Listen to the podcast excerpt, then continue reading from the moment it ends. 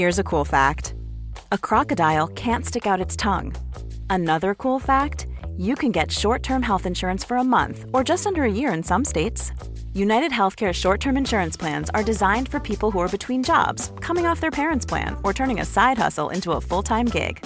Underwritten by Golden Rule Insurance Company, they offer flexible, budget friendly coverage with access to a nationwide network of doctors and hospitals. Get more cool facts about United Healthcare short term plans at uh1.com. Planning for your next trip? Elevate your travel style with Quince. Quince has all the jet setting essentials you'll want for your next getaway, like European linen, premium luggage options, buttery soft Italian leather bags, and so much more. And is all priced at 50 to 80% less than similar brands. Plus, Quince only works with factories that use safe and ethical manufacturing practices. Pack your bags with high-quality essentials you'll be wearing for vacations to come with Quince. Go to quince.com/pack for free shipping and 365-day returns. Millions of people have lost weight with personalized plans from Noom, like Evan, who can't stand salads and still lost 50 pounds. Salads generally for most people are the easy button, right? For me, that wasn't an option. I never really was a salad guy. That's just not who I am. But Noom worked for me. Get your personalized plan today at Noom.com. Real Noom user compensated to provide their story. In four weeks, the typical Noom user can expect to lose one to two pounds per week. Individual results may vary. Ja, det, det, spelar inte så stor roll att vi har börjat spela in heller. Vi, antingen så klipper vi bort det här eller så klipper vi inte bort det. Vi, ibland så svamlar vi i tio minuter innan det händer någonting vettigt här. Och det är ändå ingen som klipper bort det för att vår klippare hatar oss. Så det spelar liksom ingen roll. Ja. Han fulklipper oss konstant. Men är det, inte, är det inte så man ska göra nu för tiden? Man ska inte klippa bort utan det ska bara liksom rulla. Ja. Jag tror det. Vi tycker det är roligare om, om klippan är som den fjärde medlemmen som hatar oss, som bara sitter och gör jävelskap som vi inte kan kontrollera. Vi får bara ett färdigt resultat i slutändan där man bara, ja ah, fy fan vad jag inte tycker om dig alltså. Ja. Du klipper lite för bra för att jag ska orka bry mig.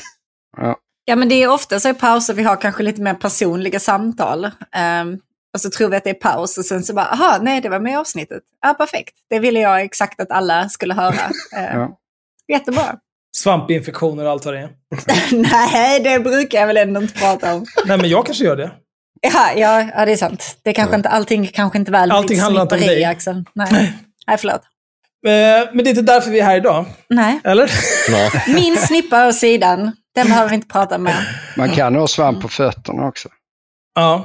Det tänkte jag inte ens på. Jag är så fruktansvärt könsfixerad. Ja, vi går Men oft, oftast är det väl skrevröta. Alltså skrevröta är ett av mina favoritord. Stark start på det här avsnittet grabbar. Stark start.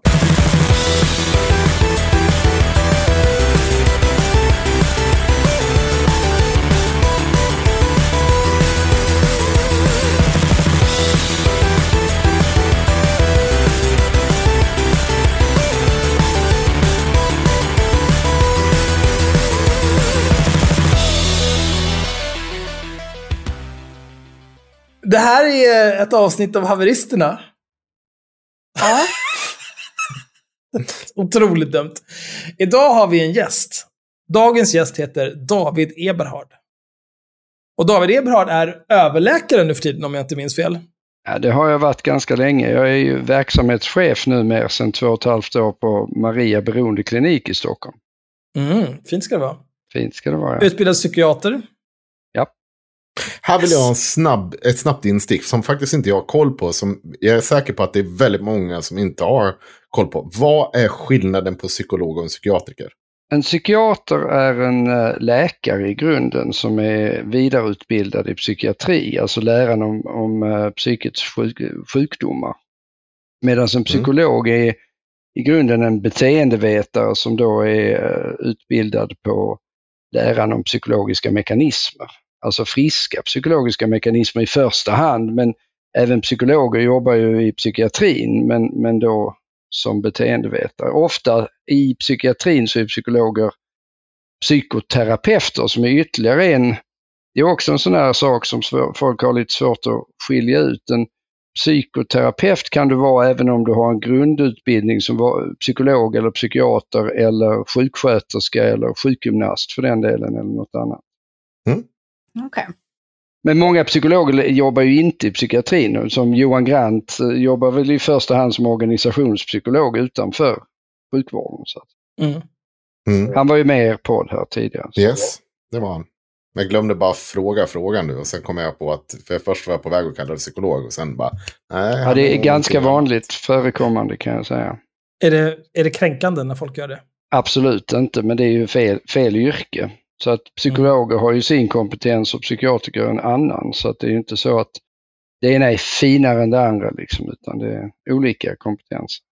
Du är också författare eh, till böckerna I trygghetsnarkomanernas land, eh, Ingen skit i det lättkränktas land, Ingen Normalt tar från- skit. Ingen tar Ingen skit. tar skit, ja. Normalt, från vansinnesdåd till vardagspsykoser. Hur barnen tog makten och det stora könsexperimentet.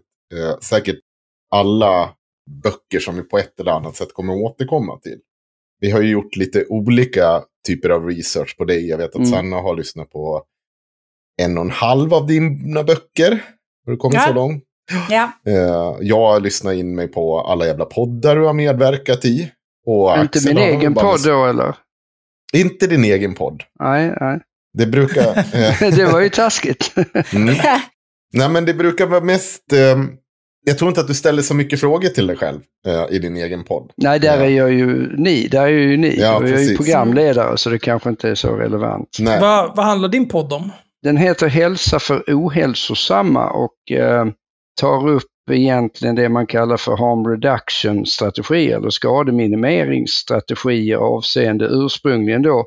De, huvud, huvudtemat är att jag då som chef för eh, Maria Beroendeklinik är ju väldig företrädare för ett skademinimerande sätt att se på beroendetillstånd av olika slag och därför så ligger det mig varmt om hjärtat att göra en podd som handlar om det. Och då är det huvudsakligen från början tobak, alkohol, narkotika, motion, alltså kost och sånt där. Men sen har vi vidgat det ganska mycket och har, vi tar upp saker som religion och, och psykisk ohälsa naturligtvis eh, väldigt mycket.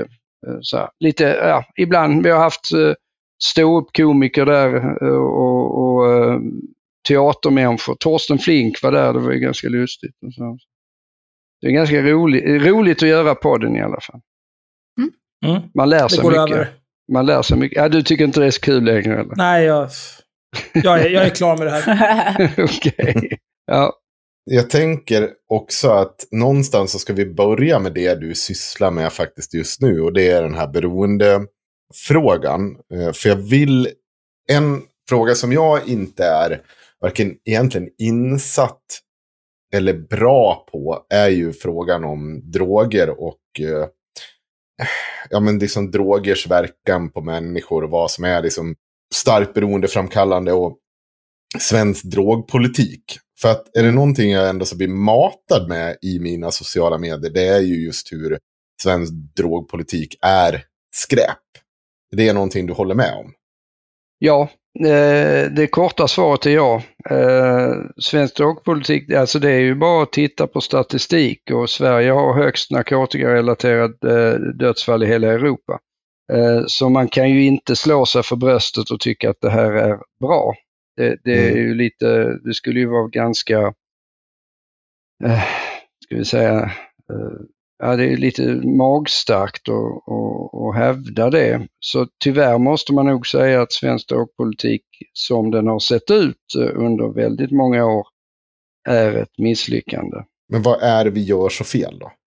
Ja, alltså om du frågar mig så är det ju, är det ju eh, det är inte en framkomlig väg som, som jag ser det. Jag tror, det är klart att det finns delade meningar om det här, men det är relativ konsensus, inklusive Socialstyrelsen faktiskt börjar ju, ändrade ju sina riktlinjer för eh, hur man hanterar opiatberoende 2016 till en, det jag nämnde tidigare, en harm reduction-strategi som innebär egentligen att man kan ju då säga, har man en väldigt repressiv hållning till narkotika, och det kan man ju naturligtvis tvista om var, är, var går gränsen, men den här väldigt repressiva hållningen tycks inte få folk att eh, i alla fall dö av narkotika i, i lägre utsträckning. Så det, det kan man nog säga att det var ju fram till för, jag kommer inte ihåg exakt, men 30 år sedan så var det ju så att eh, då var det ju innehav av narkotika var inte olagligt. Men sen, sen har man ju då infört det någon gång i början på 90-talet eller när det var.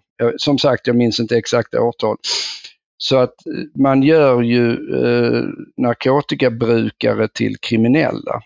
Eh, och det menar jag och många med mig och mina kollegor att det är eh, illa. För egentligen kan man tänka sig två scenarier. Antingen har du väldiga besvär av att du använder narkotika, det vill säga, och då är det ju, då är det ju någon form av, åtminstone menar man ju någon form av sjukdomstillstånd. Det är ganska uppenbart för oss som jobbat i psykiatrin länge och beroendevård att om man fastnar i det här, det är ingen som gör det frivilligt, så det är en form av sjukdomstillstånd. Och är det ett sjukdomstillstånd så är det mycket märkligt att kriminalisera det, tycker jag i alla fall. Eh, och är det inte ett sjukdomstillstånd, det vill säga att du inte har några problem av det, då, ska man inte, då finns det inte heller e, egentligen ett skäl att kriminalisera ett, någonting som för den enskilde inte är eh, ja, besvärande eller så. Sen, sen är ju naturligtvis verkligheten mer svart, eh, inte så svartvit för det finns ju gråskalor där folk anser att de inte har något problem av det här och sen så visar det sig att de faktiskt har det.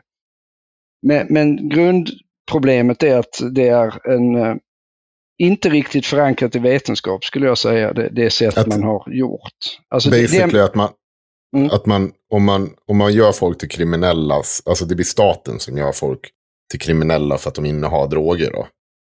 Och sen snöbollar det på något sätt. Ja, det, man kan ta, det, det, är lite intressant huruvida, man kan naturligtvis, det här blir ju en väldigt känslig fråga, någon form av ideal, alltså moralisk fråga egentligen. Men, men man kan titta på, om man tittar på statistiken från Europa, så kan vi se då att Portugal för ungefär 20 år sedan hade högst narkotikarelaterade dödsfall i hela Europa. Sen ändrade de sin strategi. Jag vet att de som är repressiva vad gäller den här eh, beroendevården eh, eller beroendepolitiken, de hävdar att Portugal har inte helt legaliserat eller avkriminaliserat utan vad de har gjort är att de tvingar folk i vård. Men, men den omställningen när man så att säga gjorde folk från att vara kriminella narkotikabrukare till icke-kriminella så har de, nu ligger de lägst i hela Europa men, när det gäller narkotikarelaterade dödsfall. Tjeckien är ett annat otroligt intressant exempel där man av, eh, avkriminaliserade narkotikabruk och då såg man hur narkotikarelaterade dödsfall gick ner. Sen kom det en ny regering som kriminaliserade igen. Då såg man hur det gick upp och sen så efter det ytterligare en som avkriminaliserade och då gick det ner igen. Så det var ju, det är alltid jättesvårt med tidssamband men det, det, det ser rätt bestickande ut skulle jag säga.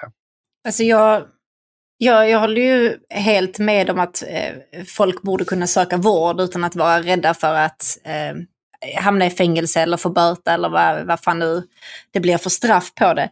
Men samtidigt så finns det ju ganska många människor utöver brukande av narkotikan som kan få illa av det. Eh, de som a, producerar absolut. till exempel och i transportledet och så. Så det blir ju en, en ganska svår balansgång att gå där.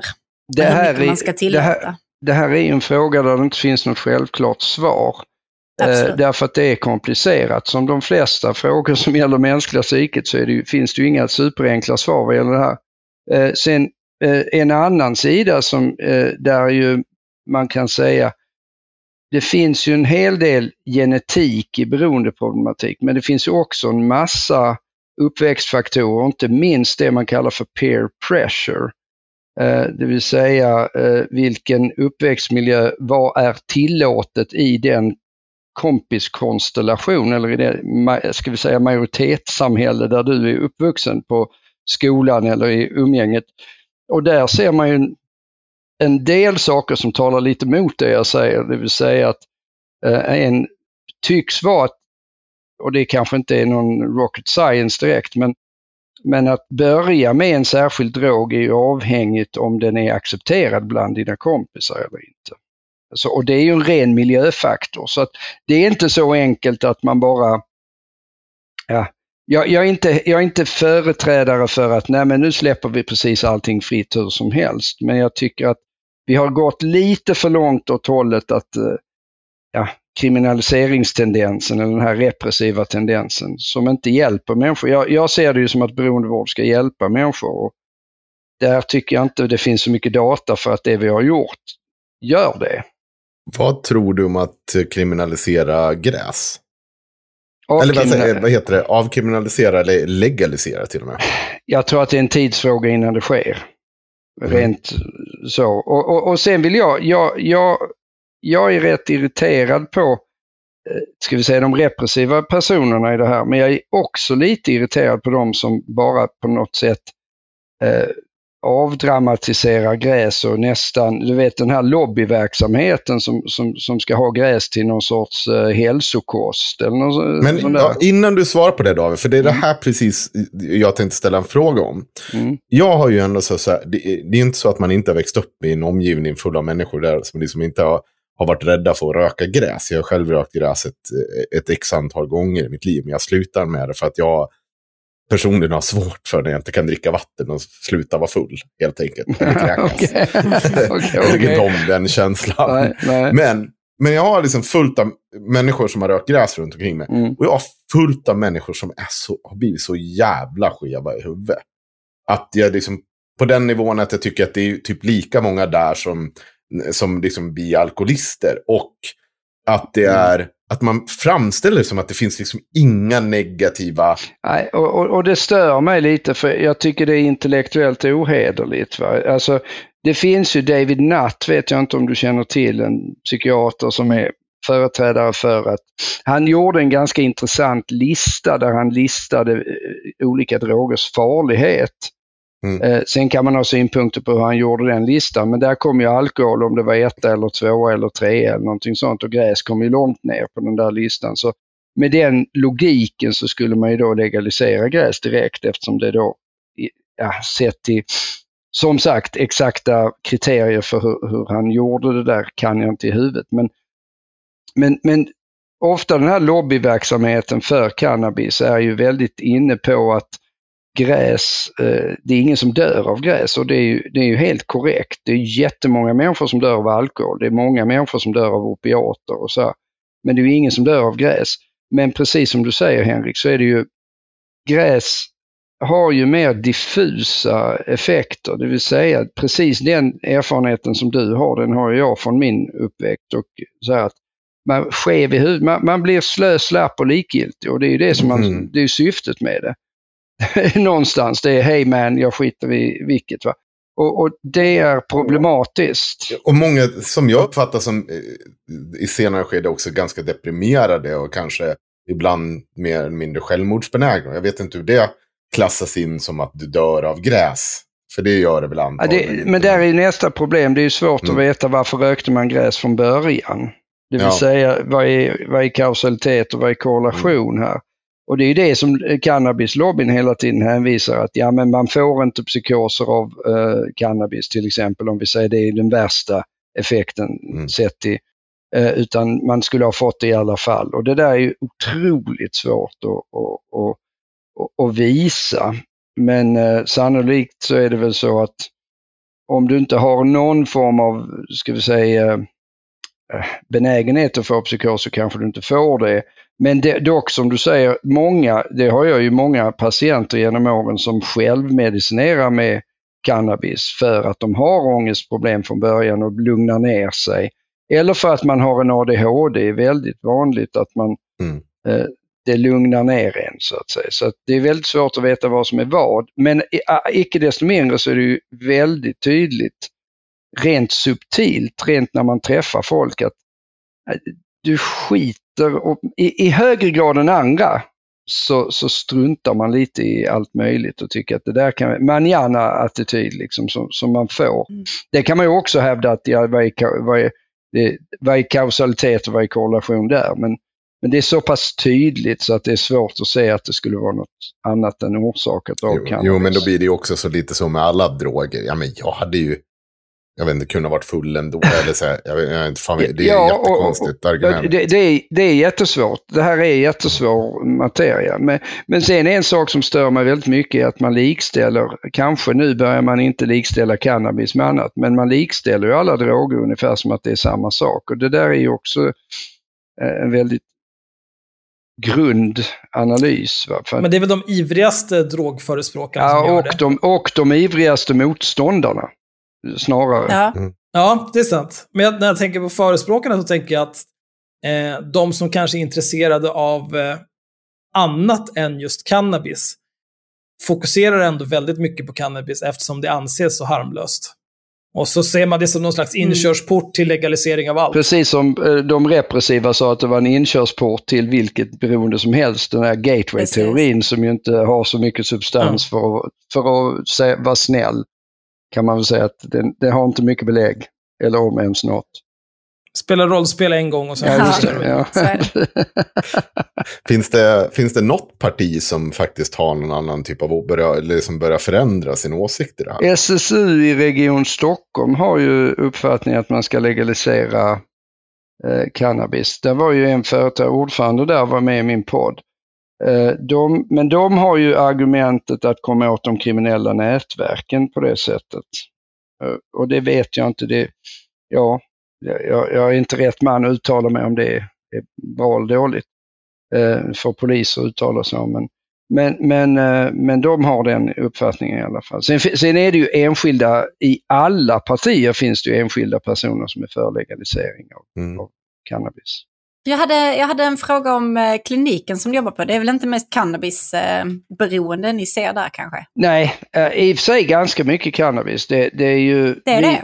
Ja, alltså det beror lite på vad. Vi har ju, den här kliniken har ju en massa olika mottagningar. Vi har ju, eh, dels har vi det, en vanlig öppenvård naturligtvis. Sen har vi en akutmottagning, där ser man ju inte vi ser ju att folk använder en massa olika droger men kanske inte enbart cannabis brukar man inte komma till akuten eller avdelningen för.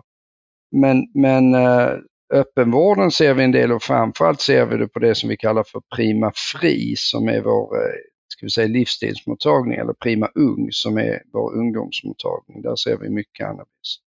Ja. Mm. Eh, så, men, men annars är det ju framförallt opiater, amfetamin och alkohol vi ser. Och då är det, och då är det folk som alltså, frivilligt väljer att åka till er för att de vill ha hjälp? Ja, vi, har, har bara typ friv, av... vi har bara frivillig ja. vård. Mm. Ja, I och för sig, vi samarbetar ju med, med sociala myndigheter som har lagen om vård av missbrukare, men det är väldigt krångligt och jag vet inte om effekten är jättebra heller. Ibland så tvingas man ju, men då är det en socialtjänstlag så den omfattas inte av sjukvården. Nej. Mm. Ska vi ta någonting annat då?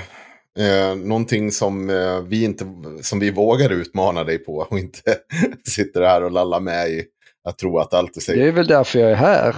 Ja, för jag, jag, jag tänker börja med bara ett citat som jag tyckte var så jävla konstigt. Och, och sen, sen ska vi in på lite mer allmänt, men det, där bara flashade förbi. För vi frågade ju våra följare vad, om de ville ställa någon fråga till det. Då var det en som frågade så bara, vill han fortfarande inte att barn ska ha cykelhjälm på sig? Jag bara, va? Och då har du sagt så här. Vad tycker du egentligen om cykelhjälm eller inte på barn? Jag förstår inte frågan. Folk gör som de vill. Staten ska inte lägga sig i det där. Inte jag heller. Men man ska inte tro att man räddar livet på sitt barn bara för att man sätter på en cykelhjälm. Har man riktigt hotur kan det till och med vara tvärtom.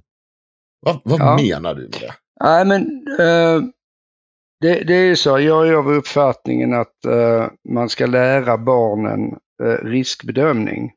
Mm. Och citatet är ju då utifrån det tänkesättet. Det innebär att jag tycker det är väldigt märkligt när man ser fyraåringar som cyklar med cykelhjälm inne på gården. Jag tycker att barn som cyklar om du ramlar från en cykel, det har ni nog alla gjort någon gång när ni var små, man slår ju knappast ihjäl sig av, av att ramla från en cykel.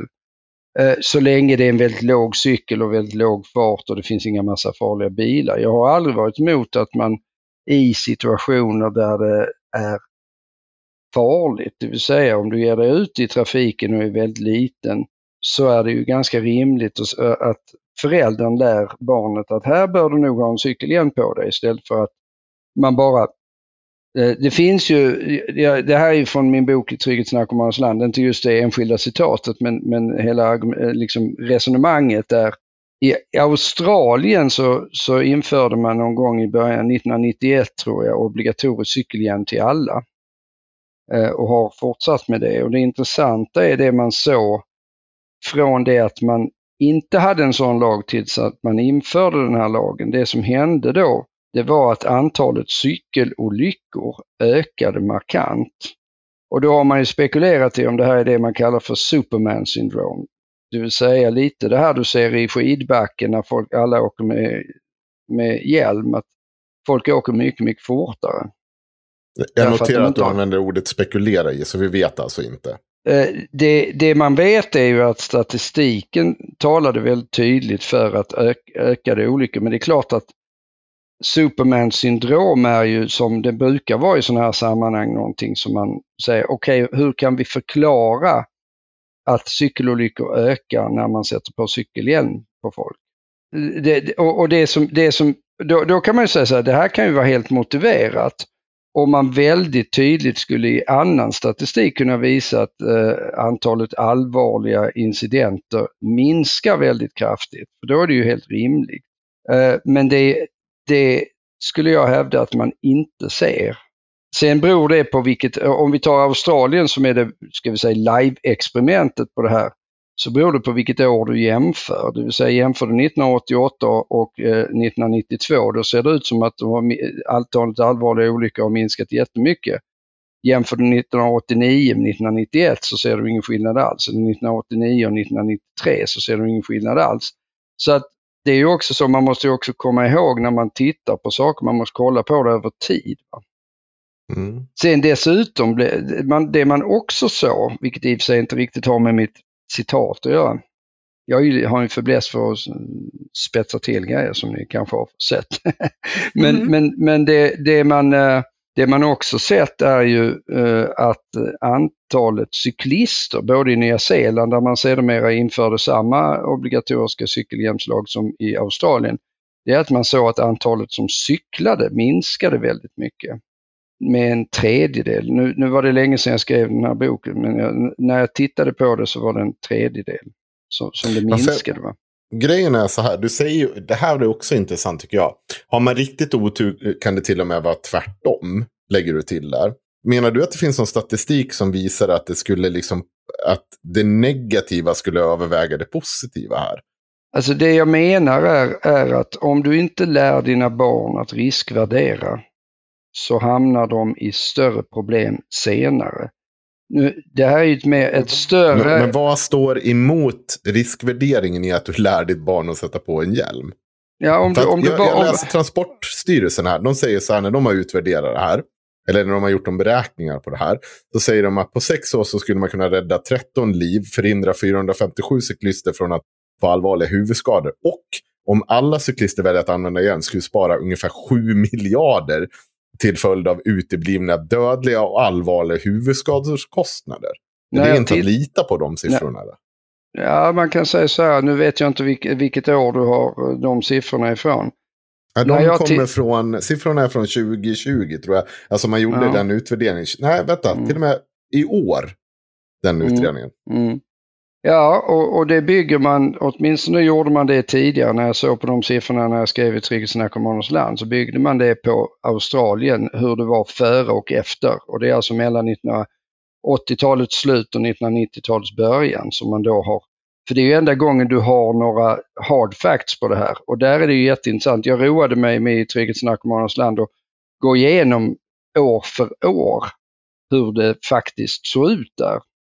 Och det, det de hade gjort åtminstone vid det tillfället, det var ju att de hade tagit det år före obligatorisk cykelhjälmslag, då det var flest antal skador, så jämförde man med det år efter som hade minst antal skador. Och jag har inte läst den här som du hänvisar till nu, men det är ju väldigt tokigt att göra så skulle jag säga. Sen, sen min, min poäng med det här är ju att riskvärdering. Hela det här kommer ju utifrån boken I trygghetsnarkomanens land som handlar om att vi måste lära våra barn riskvärdering. Eh, och att allt som den här föreställningen som Jonathan Haidt som är professor i psykologi, han skrev en bok 2018 som heter eh, The Coddling of the American Mind, eh, där han menar utifrån sin forskning det är problematiskt om vi inte, för, och det här är ju egentligen i linje med hela vad i trygghetsnarkomanernas land handlar om, det vill säga att om vi inte förbereder barnen för att livet är farligt så är risken kanske inte så stor att de, de kommer inte dö när de är fem år. Men har du inte lärt dem att livet är farligt så kommer de att, det är det som är min poäng, inte att de skulle dö av en cykelolycka där och då, utan när du inte har lärt dem att riskvärdera så kommer de inte hantera risker när de blir äldre, för det är svårt. Haidt och Lukianov som skriver om det här tar ju upp väldigt tydligt att, att eh, det finns fönster för när man ska lära sig saker. Allt ifrån att, det, det vet ju de flesta att om man inte lär sig ett språk eh, i ett visst spann så kommer du aldrig lära dig att prata ordentligt. Och det de skriver om i den här boken som då är i linje med det jag har skrivit om i Trygghetsnarkomanernas land några år tidigare, det, det är ju att om du går utanför det här. Det gäller inte bara språk, det gäller social förmåga, det gäller riskvärdering, det gäller en massa andra saker som så att säga barnen är ämnade att lära sig vid rätt tillfälle. Det är, det är min poäng med det här citatet. Sen är det lite tillspetsat, det kan jag hålla med om. Vilken är optimala åldern för att lära sig riskvärdering?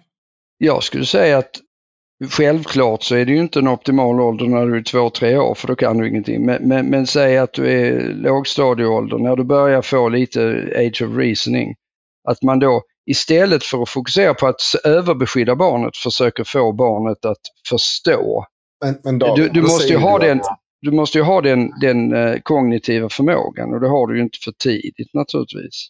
Jag vill nog hålla mig kvar lite till med det ämnet. För då säger du att när en unge väl börjar få upp fart på den där jävla cykeln. Det är då den inte liksom ska ha en hjälm på sig. Nej, jag säger att när de är väldigt små ska de inte ha hjälm. Sen kanske de faktiskt ska ha hjälm. Men de ska framförallt lära sig att den här situationen, jag cyklar på jättetrafikerade gator. Eh, jag ska självklart ha en hjälm och framförallt ska jag se till att hålla mig borta från de här trafikerade gatorna. Så att man inte får föreställa... Du säger att staten inte ska lägga sig i det där. Staten kan ju förlora 7 miljarder per år enligt Transportstyrelsen. Varför borde inte staten lägga sig i det? det är väl... Du pratar ja. ju väldigt mycket om logik och sånt. Det låter ju inte logiskt det här. Ja, men alltså, det är ju, jag är ju lite skeptisk. Jag, jag, jag ska säga att eh, Trafikverket, de är ju bra på att räkna eh, vad gäller många saker. Flyg, eh, så här, bilar och sånt där. Så så har de ju nollvisionen. Det var ju de första som räknade på människoliv. Vad får ett människoliv kosta och så här. Det, det har inga andra egentligen gjort. Men, men sen är det ju så att allting du spar på någonting tar du från någonting annat. Det är ju inte så att det här är någon slags fri nyttighet. Så att om man lägger extrema summor på någonting så tar man det någon annanstans ifrån. Och jag som jobbar i psykiatrin kan ju tycka att det är lite märkligt att man lägger ett, ett människoliv i trafiken får kosta 25 miljoner kronor medan det är en halv miljon i, i psykiatrin. Liksom. Så, så att det, det, är en ändlig kassa pengar som, som man måste lägga och då gäller det att lägga de resurserna så smart som möjligt. Är inte, är inte cykelhjälmar väldigt enkelt då att säga att barn och unga, alltså, alla för den delen ska absolut. Precis som vi borde ha bilbälte på oss när vi kör bil. Men jag har ju tillbringat de senaste 15 åren med att säga att min bok i Trygghetsnarkomanens land handlar inte om cykelhjälmar. Det är ett otroligt bra konkret exempel på vad jag försöker säga på ett mer abstrakt plan. Och det är klart att jag inte har någonting emot om en förälder är orolig och sätter på en cykelhjälm på sina barn. Det får de naturligtvis självklart göra. Jag tycker att eh, jag tycker att det är en bättre strategi enligt med hur jag resonerar i övrigt, att, att man lär dem riskvärdering. Eh, och därmed också, är det vettigt att sätta på en cykelhjälm här? Jag menar, vi ser ju på dagis hur folk som är fyra år gamla cyklar runt på gården med en cykelhjälm, är det vettigt? Det, det, det där är lite sån här robotvariant, man ska lära ska... folk att alltid göra så här.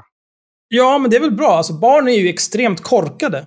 Så Ja, om du då men- säger åt ett barn att du, när du cyklar ska du alltid ha hjälm på dig. Då kommer de ju alltid ta på sig hjälmen av vana eller du nöter in det. Någon betingad reflex eller vad det nu kan tänkas. Absolut, det här är ingen, det är ingen stor fråga för mig, men jag tycker bättre om strategin att man lär folk vad som är vettigt. Jo, om, absolut. om, vi nu säger att barn, om, vi, nu- om vi nu säger att barn är korkade. Ja, men de är ju grunden. extremt korkade. De Ja, ja, ja de, har, de, har inte lärt sig allting än. Och, och då är det klart att det kan vara, men då tycker jag personligen att det är en bättre variant att lära dem att i den här situationen ska du ha, jag, jag förstår vad du menar, det blir en betingad reflex att man alltid sätter på sig den där och sen så. Men du invaggar ju också barnen i en falsk trygghet. Jag tror inte det. Nej. För det är att- ungefär som att säga att man invaggar den som sätter på sig bilbälte i en falsk trygghet. Jag, jag tror att barnen är för unga. I alla fall, alltså ni ser ju min cykel här bakom. Eh, Min son håller på att lära sig cykla, han är tre och ett halvt. Han, han är för dum för att bli invaggad i någon typ av falsk trygghet. Däremot om han skulle få ett olyckligt fall och slå i huvudet, eh, ramla på någon kant eller whatever, så skulle cykelhjälmen hjälpa honom mer än om jag säger åt honom att ta det lugnt i svängarna till exempel. För du kanske ramlar och slår i huvudet på den här kanten. Eh, så att det kommer nu tillbaka till ålder. Jag tror kanske att man kan ha hjälm på de små barnen men, eh, och sen så fortsätta ha det och kanske sen eh, också lära dem riskbedömningen när de är mogna för det. Jag tycker att det är upp till föräldern. Jag förstår att det här Ah, kanske... Nej, inte om staten ska betala vården för deras ungar sen när de kör sönder sig själva. Vi, vi, vi, treåringar och femåringar kör inte sönder sig i den, Nej, men i den eh, bemärkelsen. vuxna människor överlag. Axel är väldigt mån om sina skattepengar. Men det finns ingen, det finns ingen eh, lag som säger att eh, folk över 15 år ska ha cykelhjälm. Så att då är ni för att man inför det i så fall. Jag har inga som helst problem med det. Nej, jag har ingen fråga över hela befolkningen. Jag tycker att det där ska ju ju- för vuxna. Det är Ja. som, jag, tror läste, att vi skiljer oss åt i den frågan. Men det visste ni från början. Ja, jag läste en artikel om en tjej som eh, körde på någon sån här eh, elsparkcykel. Och eh, krossade käken för att hon ramlade. Där, där, där skulle jag känna att det kanske vore bra om vi tog itu med det där på något vis. Kanske att eh, eh man, de får sätta alkolås på dem där. Eh, de får bygga in en våg och se till så att det bara är en person som åker på dem. Man kanske måste ha motorcykelhjälm om man åker så att man skyddar käken också. Och så vidare. Mm. Vad, vad skulle du säga om det? Hade de satt in en våg på dem så hade det ju blivit ett problem med vad viktgränsen faktiskt skulle vara. För att det skulle ju kunna vara två mindre personer eller en större person och folk hade känt sig diskriminerade om de inte kunde åka var någon mer avancerad våg som känner av liksom hur de... eh, Hur Jag har de, en teknisk lösning. de- Man har ju en app. Appen får vara knuten till någon typ av bank-id. Och sen får du verifiera din vikt hos läkare. Så om du väger över... Vad kostar det det? problem. Vad du får- kostar nej, det? Det ska ingå. Här ska vi inte diskriminera någon. Alla ska ha lika rätt att åka Ja, elsparkcykel. jag tänkte vad det kostar antingen för företagen eller för staten. Det blir inte för dyrt. staten, det får kosta för företagen istället. Axel tänker göra den här lösningen gratis åt eh, diverse elskoterbolag. Ja, han är kodare, han kan lösa det. Det var inte meningen att det här skulle bli 20 minuter långt som skulle mynna ut hur elsparkcyklar Ah. skulle funka. Faktiskt var faktiskt inte heller min poäng att diskutera vad hela eh, liksom, i, i eh, din bok handlade om heller utifrån det exemplet. Utan mer frågan om vad som är logiskt enligt dig. Och jag tycker att där är- är du ganska konsekvent i att tycka att det du tycker är logiskt och inte så mycket alltid vad forskning säger eller något som du gärna premierar i andra fall. Jag tänkte på en grej. Eh, anledningen att jag bjöd in dig här var för att eh, vi hade ju en diskussion om Aron Flams bok. Ja, Och då skrev du så här, eh, som jag tyckte var intressant. Kopplat än en gång till logik. Då skrev du så här. Jag, vill, jag gillar verkligen mono, monomana människor som tar sitt jobb på allvar. Som den där snubben som ägnar tre månader åt att hitta irrelevanta petitesser i Aron Frams bok. Som senare hävdar är fel och på så sätt påstår att han, att han helt undergrävt Flams hela budskap. Einstein-klass. Då tänker jag så här. Eh, du som gärna hänvisar till forskning, gärna hänvisar till logik och sånt. Vi kan väl börja i ändan. Vad är det du tycker Mikael Nilsson avslöjat som bara är petitesser? Ja, ja, för det första kan man ju fråga vad han har avslöjat överhuvudtaget. Det, man, man kan säga så här, han kallar ju Aron Flam för plagiatör. det, det är ett ganska starkt ord. Eh, för de flesta människor har en intuitiv uppfattning vad en plagiat är för någonting, det vill säga att man snor någonting. Man, man tar en text och sen så är det någon annans text som man snor. Nu, är det, nu råkar det ju vara så att eh, i, om du skriver en avhandling, då kallas det plagiat om man hänvisar felaktigt till primär och sekundärkällor. Vilket ju inte alls är frågan om plagiat i någon form av folkmun utan någonting helt annat.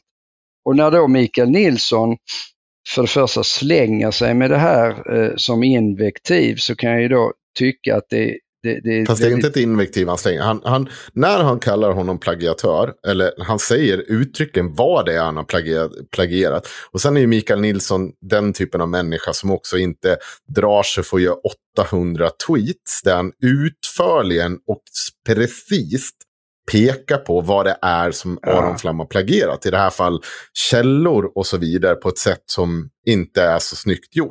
Som inte är så, så snyggt inte, gjort om du skriver... Vänta Henrik, om det, det, är inte så snyggt gjort om du skriver en avhandling. Nej, men det här är ju inte en avhandling, det är en populärvetenskaplig bok.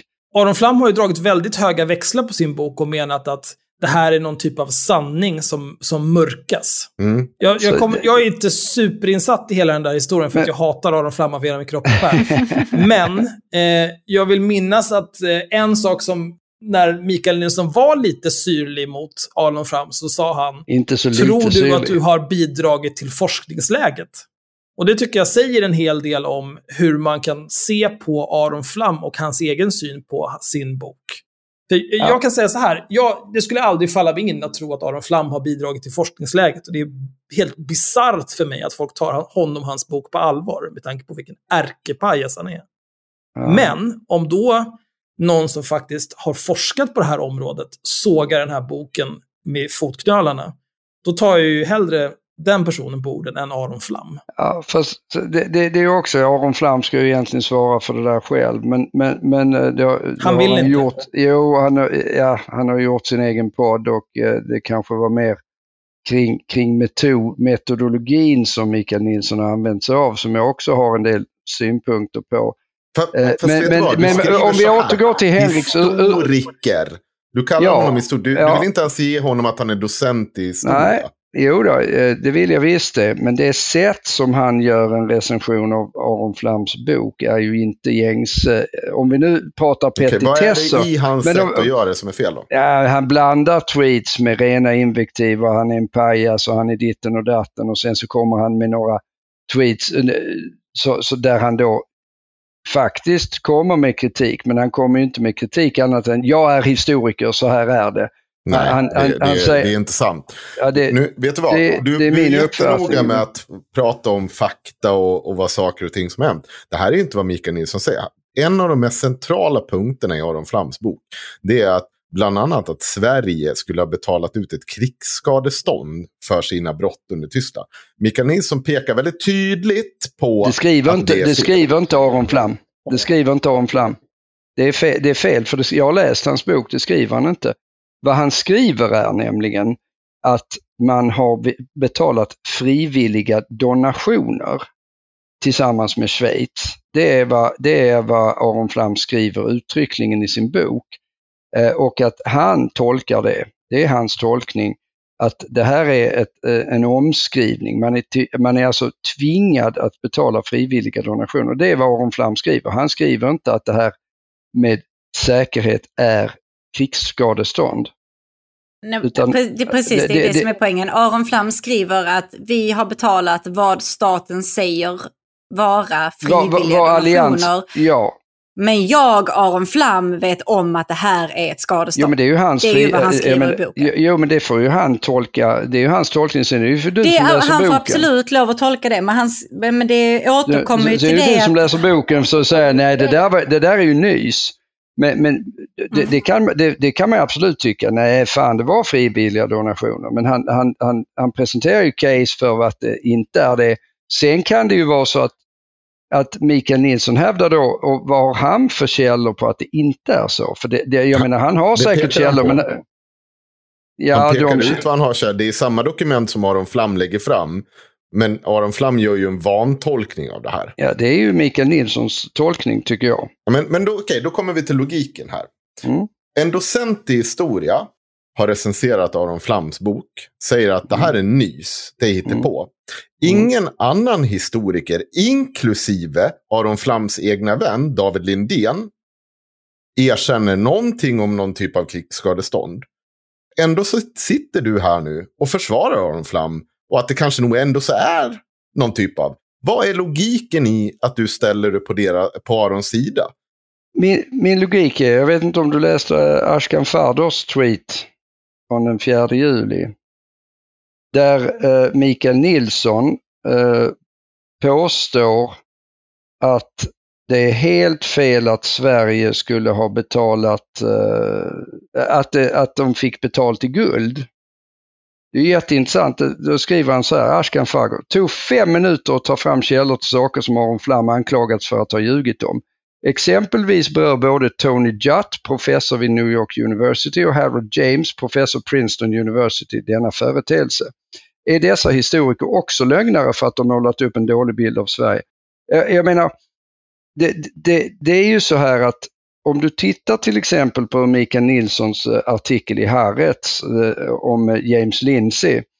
Jag vet inte om ni känner till James Lindsay och Peter Bogosian och Helen Pluckrose som gjorde en del fake-studier som, som de fick publicerade i ett gäng tidskrifter. Det gjorde de helt medvetet. Där Mikael Nilsson använder precis samma teknik som man använder mot Aron Flam och sågar det här. Att de, de, de publicerade bland annat en artikel i någon eh, genusteoretisk tidskrift där de hade bytt ut, de hade gjort om texten en del för att den var skriven i modernistisk stil och de gjorde om den med postmodernt språkbruk och de, eh, eh där de eh, eh, bytte ut då eh, judar mot eh, heterosexuella män. I princip det Jag det känner de igen gjorde. detta för att du Mm. beskriver denna, eller du se- skriver om detta i uh, könsexperiment. Just det, just hur? det. Ja. Just det. Och, och, och, och- och det intressanta är att Mikael Nilsson av någon anledning, han, han har precis på samma sätt som han gör med Aron Flam, han går på, är, han läser inte bo, hela boken, han läser en tredjedel av boken och så, sen så kommer han varje... Vet Med- du med säkert tweets. att han inte har läst hela Ja, det boken? kan jag inte svara på, det vet jag inte säkert, men han har inte recenserat mer än det här. Vilket man kan hävda, man kan försvara honom och säga ja det här är hans specialområde då. Men, men det som är min poäng här, om vi ser det ur ett logiskt perspektiv, vad är det i den här kritiken som gör att hela Aron Flams bok faller? Jag, jag är uppenbarligen inte Det så väl- låg. Alltså, att hela Aron Flams bok faller. Det... Mikael Nilsson har ju på Twitter gått igenom massor av punkter. Där han, där Som han har gör- fel, enligt Mikael Nilsson. Men när det Ja. gäller, när det gäller Mm. att betala, betala med stulet guld, det, är, det, det har han ju inte. Jag, jag menar, han har ju många historiker mot sig i den frågan. Så jag vet inte Va, riktigt vänta, vad... vänta, vad, vad, vilken del nu? för, för att betala, att, att Sverige sålde, jag menar det råder inget tvivel om att Sverige sålde kullager eller järnmalm till, till Ja. Tyskland. Det är ju, man kan ju tycka att den här boken, ja är det överhuvudtaget intressant? Det hände för 70 år sedan. Men Fast att det i är, det ingen sak som, skulle... det är ingen som Nej, är ingen som argumenterar säger- mot det. Så vi behöver inte ta den Nej, halmgubben. nej, nej, jag, jag, jag, nej, nej det, var, det var inte menat som en halmgubbe. Jag bara säger att det är ju en sak.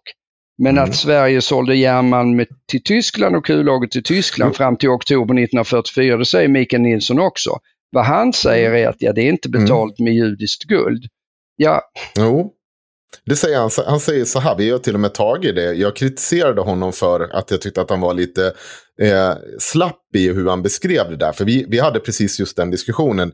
Om vi får in judisk guld i Sverige och sen betalar vi vi med guld som ligger på vårt lager. Ja, ja. det är fortfarande en ekonomi där judiskt guld finns med. Och, och det, hade vi ingen, det var ingen stor liksom, konflikt med Mikael Nilsson, men det är inte heller en bärande del i hans kritik. men vad är Du den bärande Aron Flam delen? inte påstår att det har varit någon typ av skadestånd. Här skriver Aron Flam, eller det är en som skriver så här. Har Sverige stulit guld av judarna? Blir snurrigare för, blir snurrigare för varje dag detta. Aron Flam, jo, det har de. De blev till och med skyldiga att betala skadestånd för det i Washingtonfördraget 1946.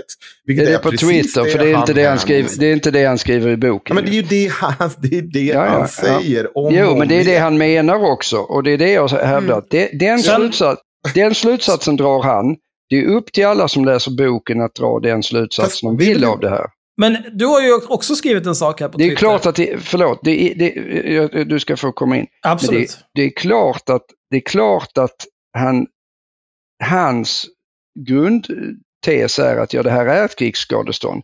Mikael Nilsson kan ju inte på något sätt belägga att det inte är det för att det är frivilliga donationer. För det vet Nej, men det åligger väl inte Mikael Nilsson att bevisa att det inte är ett krigsskadestånd? Nej, det åligger väl Aron Fram att bevisa att det är ett krigsskadestånd? Åligger... Den som gör påståendet bär ju bevisbördan. Nej, men, nej, men ja, det, i Twitter-tråden håller jag nej, med. Nej, i verkligheten. Nej, men i, i boken säger han inte att det är ett krigsskadestånd. Han säger att det här är min slutsats. Men, men, men, han, men han menar ju att det är ett krigsskadestånd. Ja, och kan valsa runt i all media. Jag, jag ja. håller med. Jag är helt övertygad om att Aron Flam har rätt i den här frågan frågan. Men, Men varför då? Han... Jag, jag, jag, säger inte, jag säger inte att jag vet det, för jag är inte tillräckligt insatt i frågan. Men vad jag, vad jag vet är att när du ser den här typen av kritik som Mikael Nilsson kommer med, så där han kryddar med invektiv, jag har ju sett flera av hans tweets där han, där han Men det gör ju du med. kryddar. Vad kryddar jag? Du säger ja. ju, det sitter ju att du säger... Jag, jag kan läsa tweet här nu. Ja. En annan sak jag finner underhållande är tidningen Arbetet, som när, som när de hittar en historiker, inom citationstecken, som kan läsa bokstäver. Att han har lite sämre förståelse för andemening och alltså inte förstår att man kan tvingas betala krigsskadestånd utan att det kallas så är jättekul. Mm. Ja, det tycker jag. För det här är ju det som utmärker ja, Mikael Nilsson. Du får gärna tycka det. Ja, men du men kan det... inte sitta och klaga över att Mikael Nilsson använder invektiv och att han har lite tråkig ton när du, när du liksom skriver historiker inom citationstecken. Fast vad jag menar med när jag skriver, va, va, va, ja det är uppenbart för mig och det kan jag ta med Mikael Nilsson face to face, dock inte via Twitter som jag inte tycker är ett lämpligt sätt att normalt sett kommunicera. Det här var ett undantag, jag gjorde dumt undantag förmodligen. Men, men jag kan sitta ner med Mikael Nilsson och säga att det, det han gör är att han ju bokstavs han tolkar ju allting bokstavligt. Ah, de har sagt att det här är det här är frivilliga donationer, alltså är det frivilliga donationer. Vad Aron Flam menar är ju att om du tvingas att betala frivilliga du donationer. Får jag fråga en sak? Innan du om, pratar vidare. Mm. Har du ens hört vad han säger att de här donationerna är? För det är inte alls det han säger. Han Vem? säger uttryckligen så här. Att det här uppgår, eh, det fanns pengar utomlands i olika länder, inte bara i Sverige, som kom från Nazityskland. Och det, och det skriver ju Aron Flam om och de har betalat ja, tillbaka. De Men det här är inte det som Aron, fast det är inte det som Aron Flam skriver om. Det skriver han också om nämligen. Aron, jag vet inte om ni har läst Aron Flams bok? Nej, vi betalade en historiker som är expert på ämnet för att läsa den. Ja, då bad honom var, om en recension då, istället.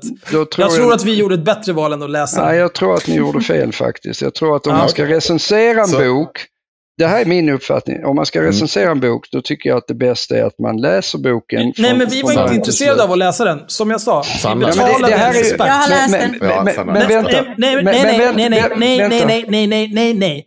Vi betalade en expert på ämnet för att läsa boken och recensera den.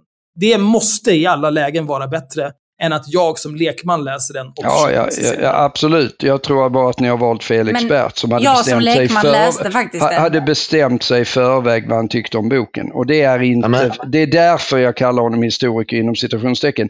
För det är inte vetenskapligt att bestämma sig i förväg vad man tycker om en bok. Och det kan har du bevisa att han har gjort det? Ja, det kan jag. Om du tittar på, på de tweets som skrevs så skriver han ju uttryckligen varför skulle jag läsa den här boken? Det är bara skit.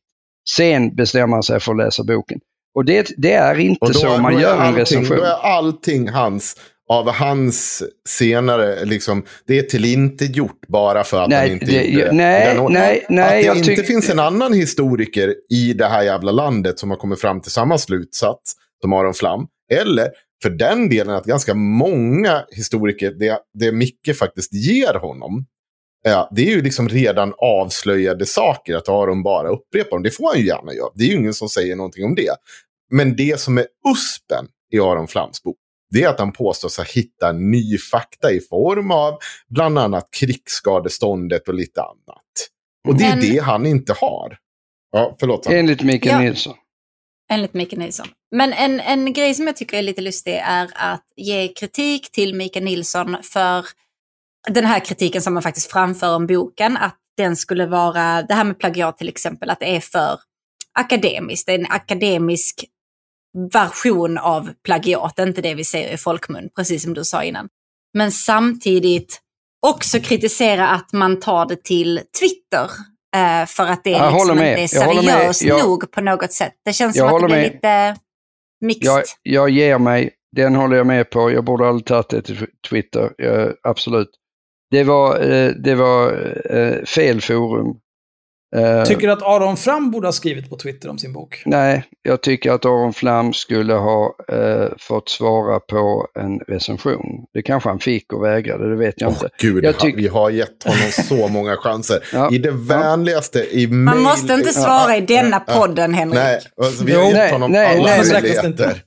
Nej, jag, jag, tycker, det jag vände mig mot, och det är därför jag också kallar honom historiker, han är säkert jättekompetent, eh, historiker inom citationstecken, det är hela den ton som jag, jag har inte, jag ger dig det Henrik, jag har inte läst varenda tweet han har skrivit, han skrev ju hur många som helst, så det är svårt att följa om man ska göra någonting annat. Men, men tillräckligt många tweets där det är, det här att jag kallar honom historiker inom citationstecken är en minor eh, offense. Sen kan jag tycka att det var lite väl syrligt från min sida. Det kanske jag eh, inte... Ja, jag är helt okej okay med det, men du kan ju inte klaga på någon annan då. Ja, men jag tycker att det... det... It's that time of the year. Your vacation is coming up. You can already hear the beach waves, feel the warm breeze, relax and think about work. You really, really want it all to work out while you're away. Monday.com gives you and the team that peace of mind. When all work is on one platform and everyone's in sync, things just flow wherever you are. Tap the banner to go to Monday.com. Ryan Reynolds here from Mint Mobile. With the price of just about everything going up during inflation, we thought we'd bring our prices down. So to help us, we brought in a reverse auctioneer, which is apparently a thing. Mint Mobile unlimited premium wireless. Ready to get 30, 30, bit to get 30, bit to get 20, 20, 20, bit to get 20, 20, bit to get 15, 15, 15, 15 just 15 bucks a month. So, Give it a try at mintmobile.com/switch. slash $45 up front for 3 months plus taxes and fees. Promo for new customers for limited time. Unlimited more than 40 gigabytes per month slows. Full terms at mintmobile.com. Det är gradskillnad. Det, det, det är ganska stor gradskillnad i, i, i det här. Har du lagt den här vikten? Om vi skulle titta på Arons ton mot sina meningsmotståndare, skulle han ha haft mycket rätt i någonting då? Nej, nej men alltså Arons ton är ju stundtals jätteotrevlig. Det håller jag med om. Ja, men då har ju inte och, han rätt i någonting han säger då. Nej, jag säger, jag, jag säger, jag, jag, säger inte att, du sa ju precis att Mikael Nilsson kan mycket väl ha rätt i, i delar av den kritik han kommer med. Men han lägger inte upp det på ett sätt som är traditionellt sett, om han då använder sig av titeln historiker, så skulle inte jag säga, åtminstone i den eh, akademi som jag tillhör, så är det ju inte så man gör. Man gör ju så att man säger, ja men det här, den här slutsatsen skulle nog inte jag dra av det här. Utan jag skulle snarare, jag, jag har inte riktigt, alltså det, det, är ju, det är ju så att han använder ju sin titel och, för att trycka till Eh, på ett sätt och sen så säger han att jag är historiker så därför är det på det här sättet. Och han presenterar ju inte, du säger att han presenterar jättemycket källor, han presenterar i allmänhet ganska lite källor. Men däremot att jag är historiker, jag läste det här, det här är fel. Och det, för mig är det inte intellektuellt hederligt sätt att göra en recension av. På tal om det så har han ju en hel del åsikter om hur Aron Flam har använt sina källor också. Men vi ska heller ja. inte låsa oss vid det här hela kvällen. För det finns mycket, mycket mer. Vi har redan nu hunnit braka av en timme. Vi har bara värmt ja. upp. Och nu ska ja. vi börja prata om dina böcker. Jag tänkte nu ska vi prata om min skit. vi har din skit. Eh, börja med en standardfråga. Eh, har feminismen gått för långt? Vad är, eh, vad, då får man ju formulera det. Ja, om, om vi pratar vad om någon form.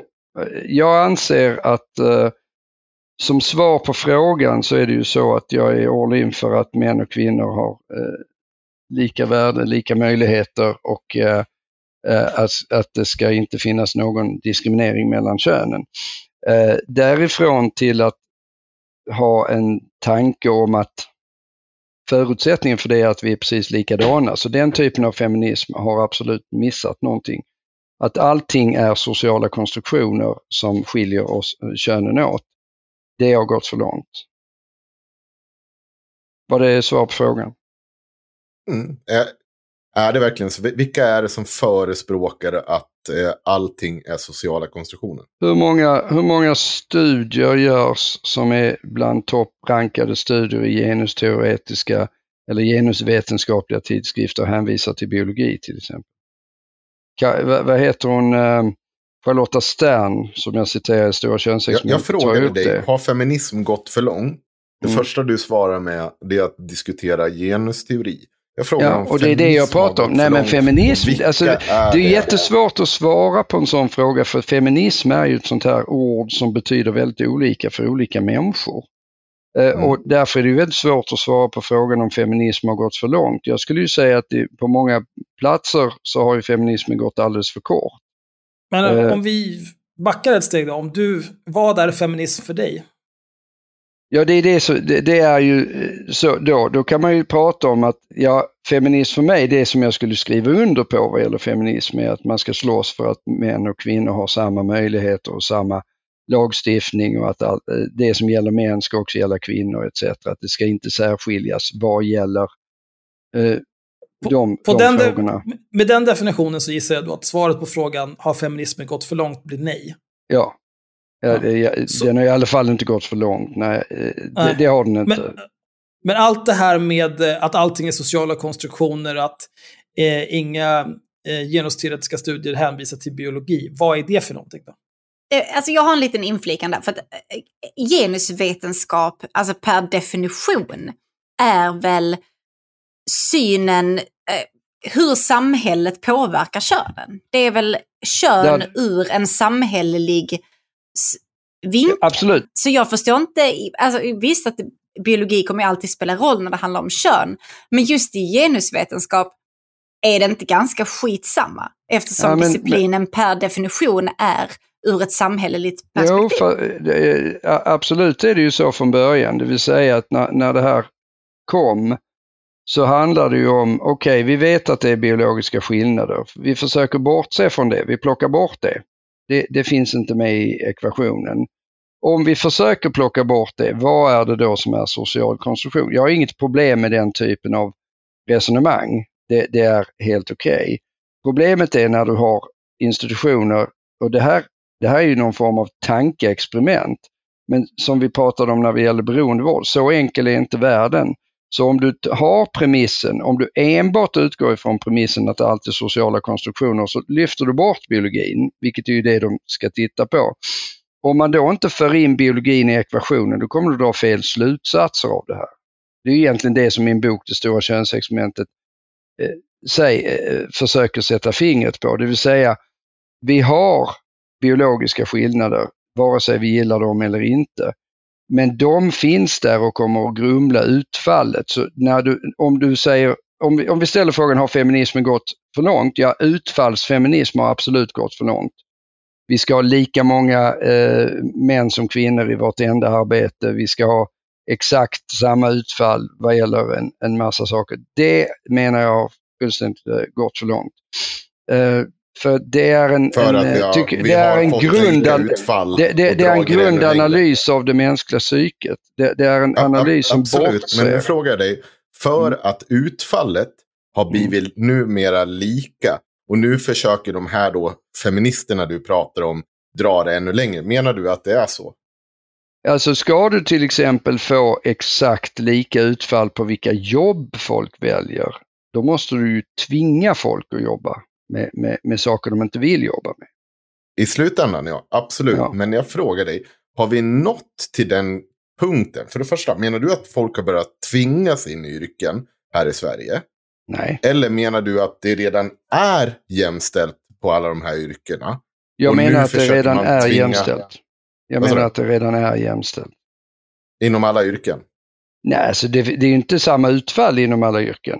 Men om du Nej. tittar på det så, så skulle jag säga det finns ju eh, flera, nu kommer jag inte ihåg vem det var jag, som hade gjort den här studien, som, nu kommer jag inte ihåg namnet, men det står i Stora könsexperimentet som visar att på samma arbetsplats finns det till exempel inga löneskillnader på, bland män och kvinnor. Och det är också min erfarenhet som har jobbat nu jobbar jag i offentlig sektor och de stora eventuella skillnader som vi pratar om skulle ju då snarare vara i privata näringslivet. Men tittar du på offentlig, offentliganställda så finns det ju inga löneskillnader. Så att det, det, det, Sen kan du alltid roa dig med att säga att en civilingenjör tjänar bättre än en sjuksköterska och då handlar det ju om helt andra faktorer.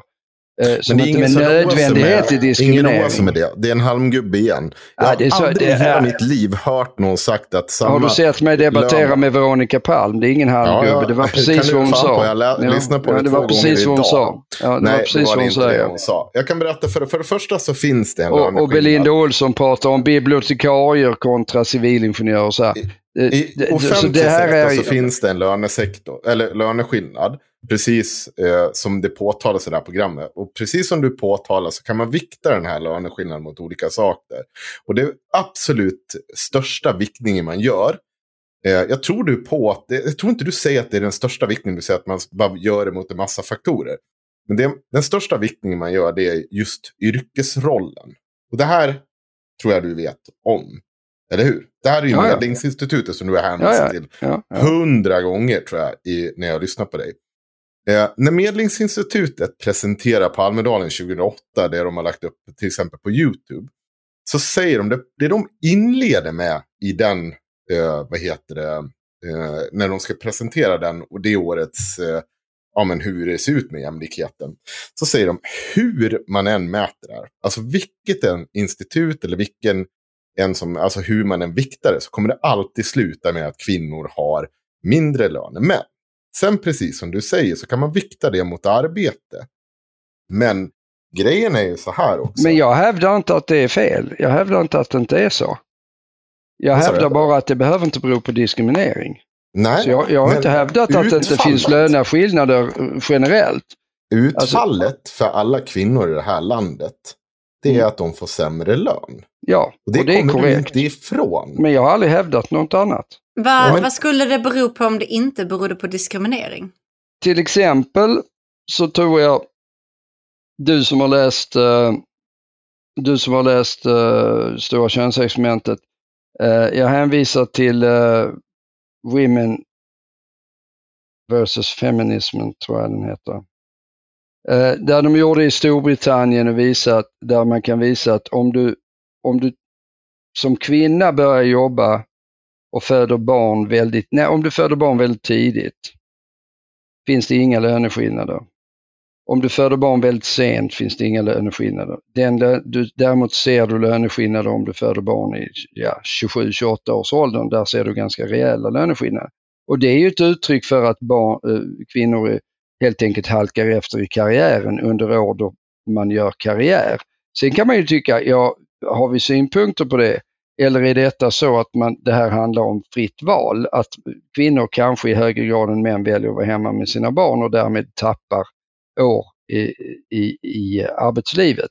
Och man, man kan tycka vad man vill om det, men det är inte med nödvändighet diskriminering. Nej, men det behöver ju inte bero på diskriminering. Det handlar ju fortfarande om att samhället i så fall inte är jämställt. Huruvida det beror på diskriminering eller inte, det är väl skitsamma egentligen. Ja, det, är inte jämställt, snarare- det är inte jämställt i utfall. Det är jäm, det, men jag hävdar ju att det, alla, alla har möjlighet Nej, det- att, att göra karriär. Alla, har, alla kvinnor har möjlighet att låta Ja. bli att skaffa barn. Nej, alla, alla, Men- har, alla men- har möjlighet att säga till sin man, du, det är jag som jobbar nu, du får ta hand om barnet. Det har alla möjlighet att göra. Alla har möjlighet att göra. Jo, fast du pratar du på, på liksom väldigt hög nivå.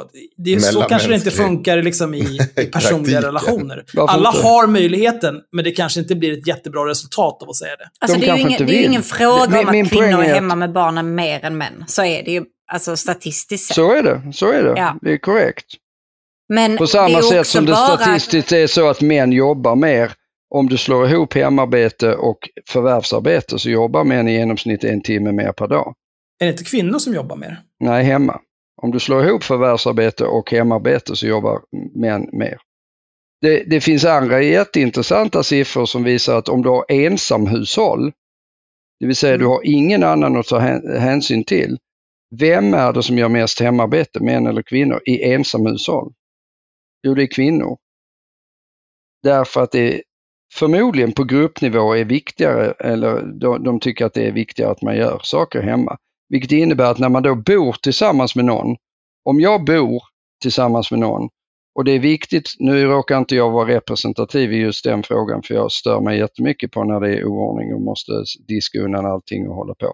Men om vi säger så att om det är den normalfördelningen, då kommer det vara så att det är kvinnan som gör mer därför att hon skulle ha gjort mer även om hon bodde själv. Varför Så gör att- kvinnan mer när hon bor själv då?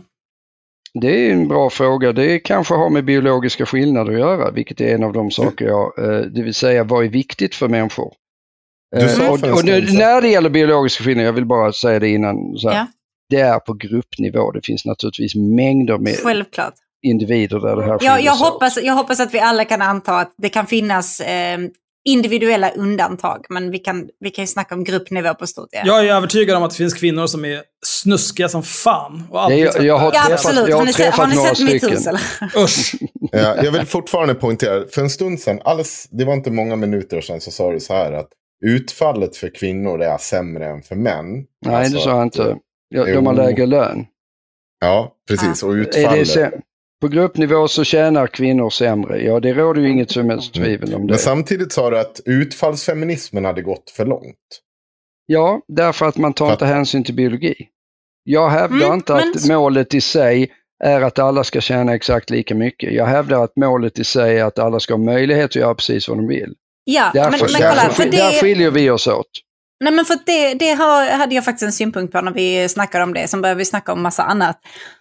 Borde, eftersom kvinnor, alla andra med livmodrar, vem det nu må, må vara, eftersom de är de enda som kan bära barn, Mm. då är det ju biologiskt att den kommer behöva vara hemma, den kommer behöva, inte kanske vara hemma med barnet, men i alla fall i slutet av graviditeten, den kommer behöva vara ledig kanske en tid efter graviditeten för att återhämta sig innan man kan återgå till sitt förvärvsarbete.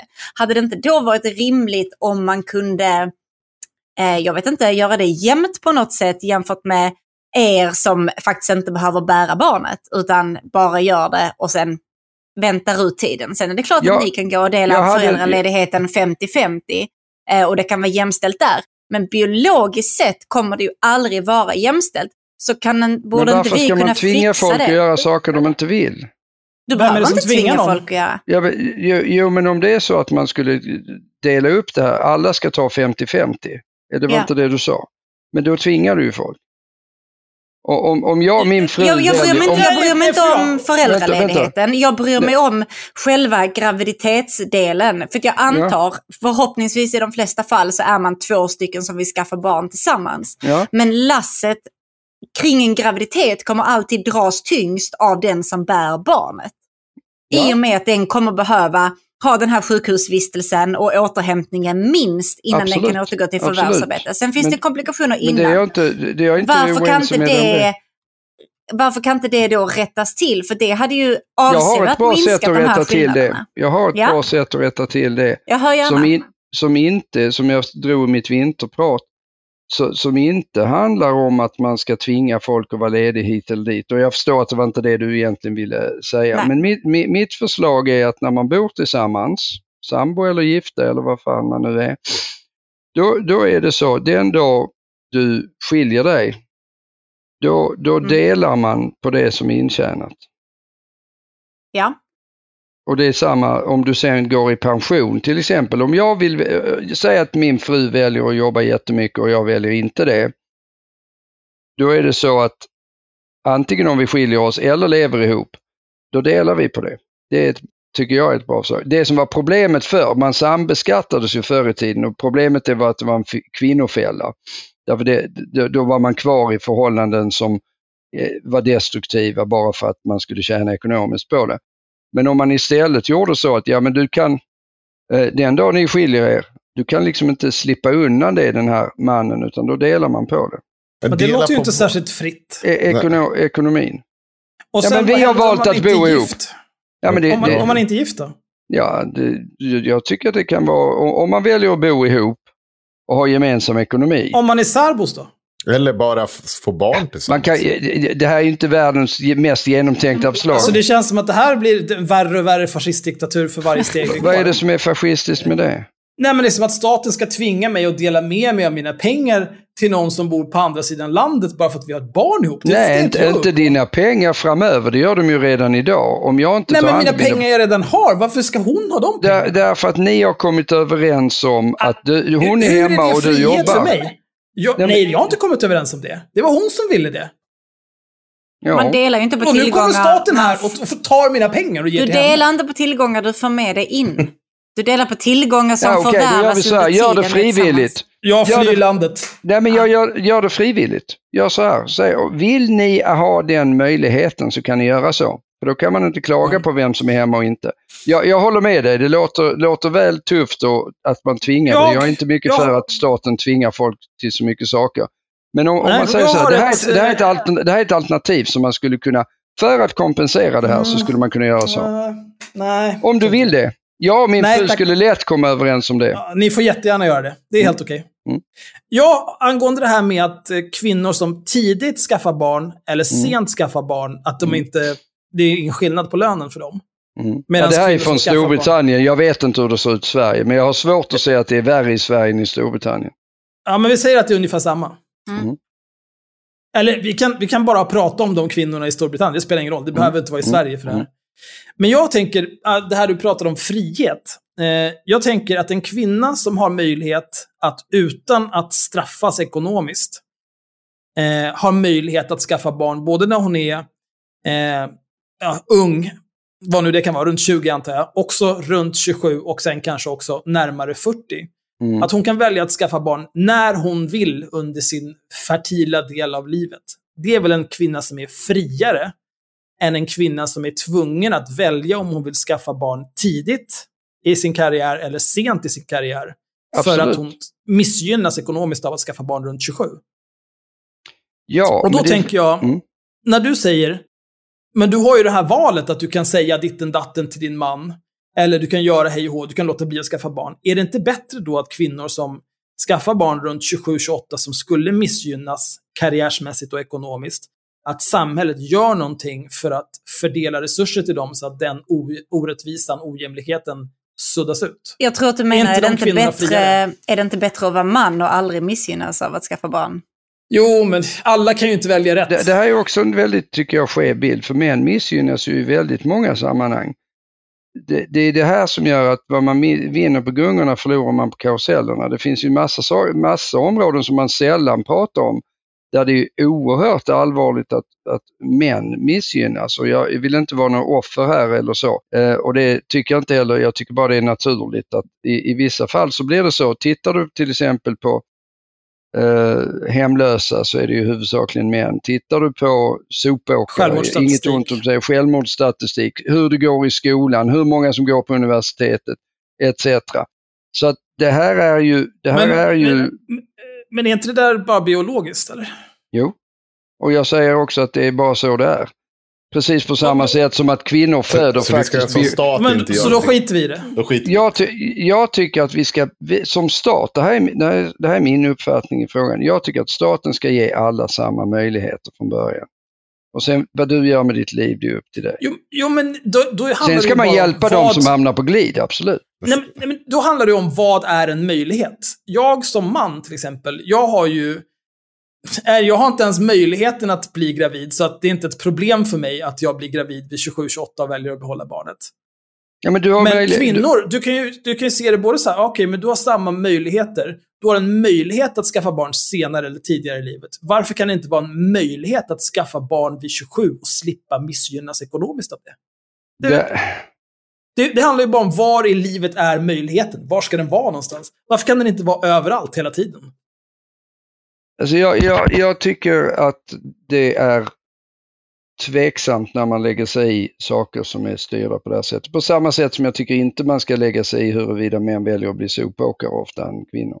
Alltså, jag, jag läste ju könsexperimentet. Mm. Och jag håller inte med dig om eh, mycket, eller ens kanske någonting alls som du skriver i den boken. Okej. Jag är inte av samma, alls samma uppfattning som du är.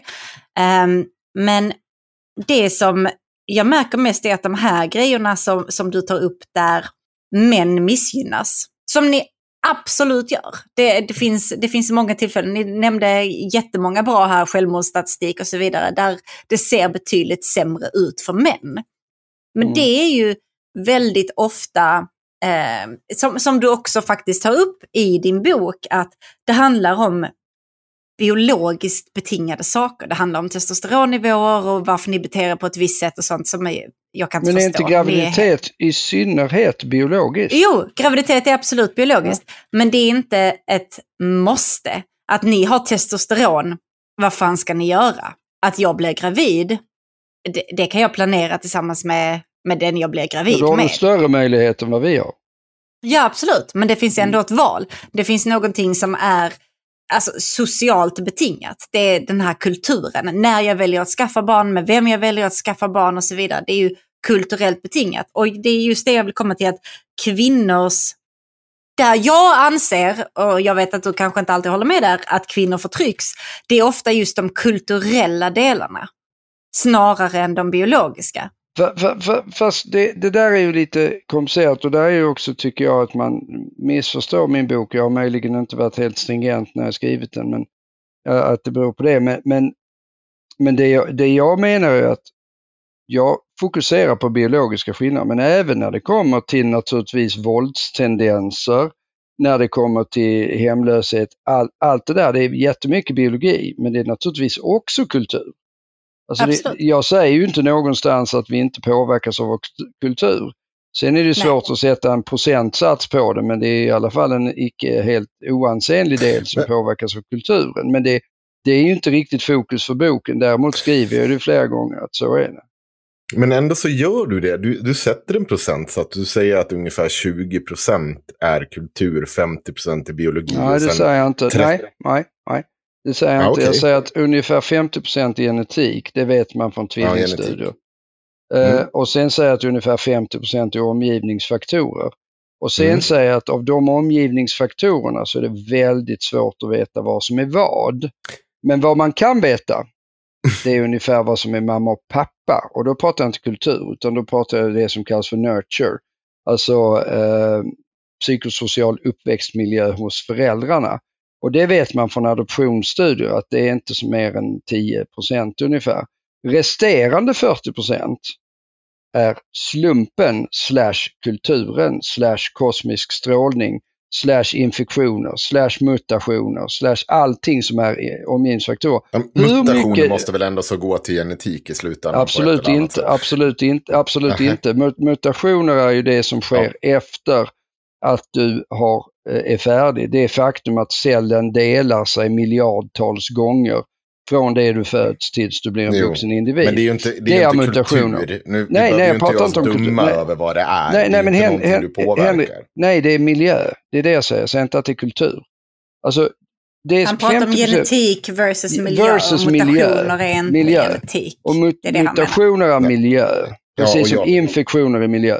Men vad jag försöker säga och det man vet utifrån forskningsläget är att ungefär 50% det är give or take, det kan variera vad det rör sig om, 50 genetik. 10% är mamma och pappa hur de var eh, när du var liten.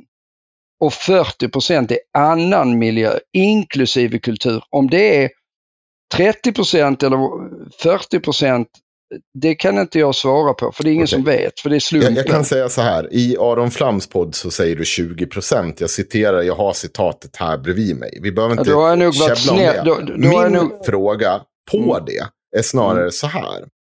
Eh, och, och häng med här nu lite. För, för om vi tittar på kvinnofrigörelsen och, och allt som har hänt. Eller om jag börjar ställa frågan till dig så här. Har vi någonsin varit ett patriarkat?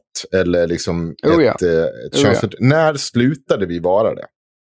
Ja, det är svårt att säga från den dag vi har lika möjligheter. När Det är bara att vi har ins, in, infört en könsneutral liksom, neutral lagstiftning och så, så vart allt bra. Ja. Okej. Men vad, vad, innebär, vad innebär lika möjligheter? För att jag skulle ju vilja säga att vi inte ligger där. Inte, absolut, vi kanske, i Sverige så har vi betydligt större chans att få lika möjligheter. Men det finns ju Mm.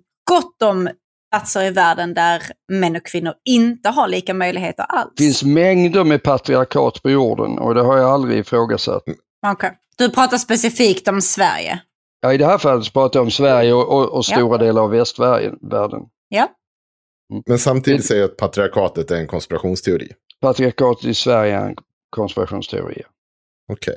Mm. Eh, Eh, Men att, att det finns patriarkat runt om, det räcker ju att åka... och, och det patriarkatet det. försvann i och med att vi fick lika, alltså sen, ja men en neutral. Men alltså, Men för- Jag menar, vad, vad jag säger är att det är möjligt att det kan existera former av strukturer, men det återstår till de som säger vad är det för strukturer? Bevisa de strukturerna. Inte bara att vi får att olika det, lön, man, män och kvinnor är en struktur. Ja, det kan man ju förklara utan, inte ens, inte ens Medlingsinstitutet hävdar ju att det här är diskriminering. Medlingsinstitutet hävdar visst det. Och Ja, jag har varit inne och läst alls. på det idag senast. Ja. Svenskt näringsliv som är fackens motpart. Som inte har ett intresse i att säga att det finns den här typen av eh, oskälig. De säger också det. Jag, jag förstår inte, det, det verkar bara vara du som säger att det inte är så. För du menar att det finns en förklaring till alla de här of, oskäliga löneskillnaderna. Men det gör ju inte Ja, det finns ju det- inte en förklaring till varför vi värderar vissa manligt kodade yrken mer än vad finns vissa kvinnligt kodade Vilka? yrken. Vilka? Det finns massor. Du kan ta Vilka? allt ifrån eh, en byggarbetare till kontra de som Men, men, vårdar men, men våra du, barn vad du inte i tänker på är... privat du, sektor. Om Ja, du men- vill ha det så. Nej, men privat jag tycker för, sektor. det, det, privat sektor, du har ju sett min eh, diskussion med Veronica Palm. Man måste Ja, skilja offentlig sektor från Det är privat fortfarande sektor. en skev fördelning i hur man värderar arbete. Så en kvinnlig byggare som är, med samma eh, arbetslivserfarenhet tjänar mindre än en manlig byggare med samma arbetslivserfarenhet. Vad sa du för något? Ta En kvinnlig byggare med samma längd på arbetslivserfarenhet tjänar mindre än en manlig Det finns också en oskälig, det finns en oskälig Det är skillnad i alla fall inte det. också. Och Men den är väldigt sagt- liten. Den är i princip obefintlig. Ibland, precis som du sa vid något tillfälle också, Fin- så är det oskäligt till förmån för kvinnan. Ja. Men på helheten, på strukturen, så ser Ja, man fast- att konsekvent så faller det ut till negativt till kvinnan. Mm, men då, då, då och tar man vi inte värderar heller... olika men- arbeten olika. Och jag sa inte att det var byggarbetare mot byggarbetare. Vilket yrke, dör, för, vilket yrke dör flest människor av i Sverige? Eh, Det är byggarbetare, byggare. inte? Byggarbetare, överlägset. Jag tänkte säga hajskötare. Ja, men de är, Ja. räknas nog inte in. Men, men byggarbetare, överlägset. mm, vänta. Ja, du får gärna googla det. I alla fall så har det sett ut så fram till, om du har nya siffror så kan det ha ändrat sig. I, det vore ju I mitt huvud låter byggarbetare rimligt för eh, antal arbetsolyckor och dödsfall. Mm. Det- Eh, det. Eventuellt någon Och, och då typ kan man säga så här eh, att det är en annan sida av, av, av biologiska skillnader. Vad väljer man för yrke utifrån risker och dylikt? Som kanske då man väljer därför att man får bättre betalt. Och när man då komplicerar de här yrkesvalen med att vissa är privata, du nämnde bara privata, men när man börjar jämföra som till exempel Veronica Palm, offentliga yrken med privata yrken så är Men det ju nu så. pratar du med mig. Nej. Och jag säger, Ja, ja. precis som Veronica Palm, en hel del om att Medlingsinstitutet inte säger det du säger. Och det du sen sitter och raljerar kring hur Veronica Palm säger. Hon är en ganska dålig debattör. Jag har inte mycket för hur hon debatterar mot det. Ja. Jag tycker hon gjorde en ganska svag insats. Faktum kvarstår. När du, även hur du än kompenserar, hur du än gör, så kommer det alltid kvarstå en skillnad mellan män och Som kvinnor. pytteliten. som man inte kan förklara. Och man kan då också lägga till den största enskilda grejen. Det är just det där att manliga yrken värderas mer än kvinnliga. Mm, och det är det- Oavsett. Ja, och det är där jag tycker att man drar för hast. Då måste man, då måste man motivera. Jag håller med dig. Det är en skillnad på man. Jag kan motivera det direkt. Jag tycker det är jävligt mycket viktigare att du är duktig på att ta hand om den framtida generationen än om du är duktig på att isolera eller riva hus. Ja, jag delar den uppfattningen. Ja, så då, men ändå så ger vi inte den Men- men- lönen. Där, ja, då kan vi säga hur många sådana uh, yrken är privat finansierade i Sverige? Inga skulle jag säga. De har Jo, all- men även ja, de som är det, privatfinansierade får inte ut den lönen. Det är, det är en jättestor det finns inga som är privat, det är inga som är privatfinansierade. Alla har privata vårdaktörer i offentligt finansierade, vilket ju folk har väldigt mycket synpunkter på. Det är offentligt finansierad verksamhet. Det ligger ett stort, Alltså, det det ju, ligger ett stort incitament för staten att hålla det där är nere ju de ändå kostnaderna. ordbajs. Eh, Bara för att Det inte- någonting är va- varför- offentligt finansierat så är det ju inte så att det offentliga sätter lönerna. Vem Om jag har ett privat sätter- vårdbolag, då är det ju jag som sätter lönerna i det vårdbolaget. Vadå, jag, jag, du, måste ju, du måste ju hålla budget. Du får bara, Jo, de, jo. de enda pengar, de enda Men, pe- men det finns ju, Vänta, finns ju vänta. andra budgetposter än löner i ett bolag. Nej, i princip inte skulle jag säga i- när det gäller vårdbolag. Det är, jag driver ju en sånt bolag så att det, det är ju så att lönerna är, du får ett anslag av staten. Det måste ju finnas ett ansvar, anledning till att de vägde blöjor till exempel. Det, är ju, det där är ju en anka. Det är en anka. Man väger alltid blöjor för det är, se- det är för att se hur mycket man kissar. Det är därför de vägde blöjorna. Mm. Det, det, Men det, det där är ju värsta att- tidningsankan ever ju. Men faktum kvarstår ju att om du har ett bolag så är det ju du som sätter lönerna i det bolaget. Ja, utifrån de pengar jag får och de pengar jag får får jag alltid från offentlig verksamhet. Jag får inte en Visst. spänn från något annat håll. Det innebär att om du börjar jämföra vård, eh, barnskötare eller undersköterskor eller sjuksköterskor med någon som har en privat marknad, det är klart att det inte är jämförbart. Därför att i privata marknader kan du ju kan ju företaget tjäna på att du får en jävligt mycket högre lön. Så det här är, en, det är, det jämför äpplen och päron. Så det är det Nej, som är det är problemet där. inte. Ja, det hävdar Det jag är att, inte det. att Det är, det är inte äpplen, eller jo, du, du har ju rätt för att vi värderar ju dem, de ena som äpplen och de andra som päron. Det har du ju helt rätt i. Ja, men, men- det finns, det är inte bara, det stannar men kom- inte vid kom- barnskötare. kom med något Enligt privat- Medlingsinstitutet som du tittar på, i princip allt från lågavlönade till högavlönade. så är det pyttesmå. jättestor Jag, menar om du jämför alla i i Medlingsinstitutet, det här var när jag diskuterade med Veronica Palm, då pratar vi om 3,9 Men nu procent. Det är ganska du- mycket. Det, det är ganska mycket. Men de här, det här som du pratar om nu, det är inga 3,9 procent som skiljer där. Det är, det är bråkdelar av procent som skiljer. Sen bör man I ju... offentlig sektor så är det utan att man viktar för precis just yrket.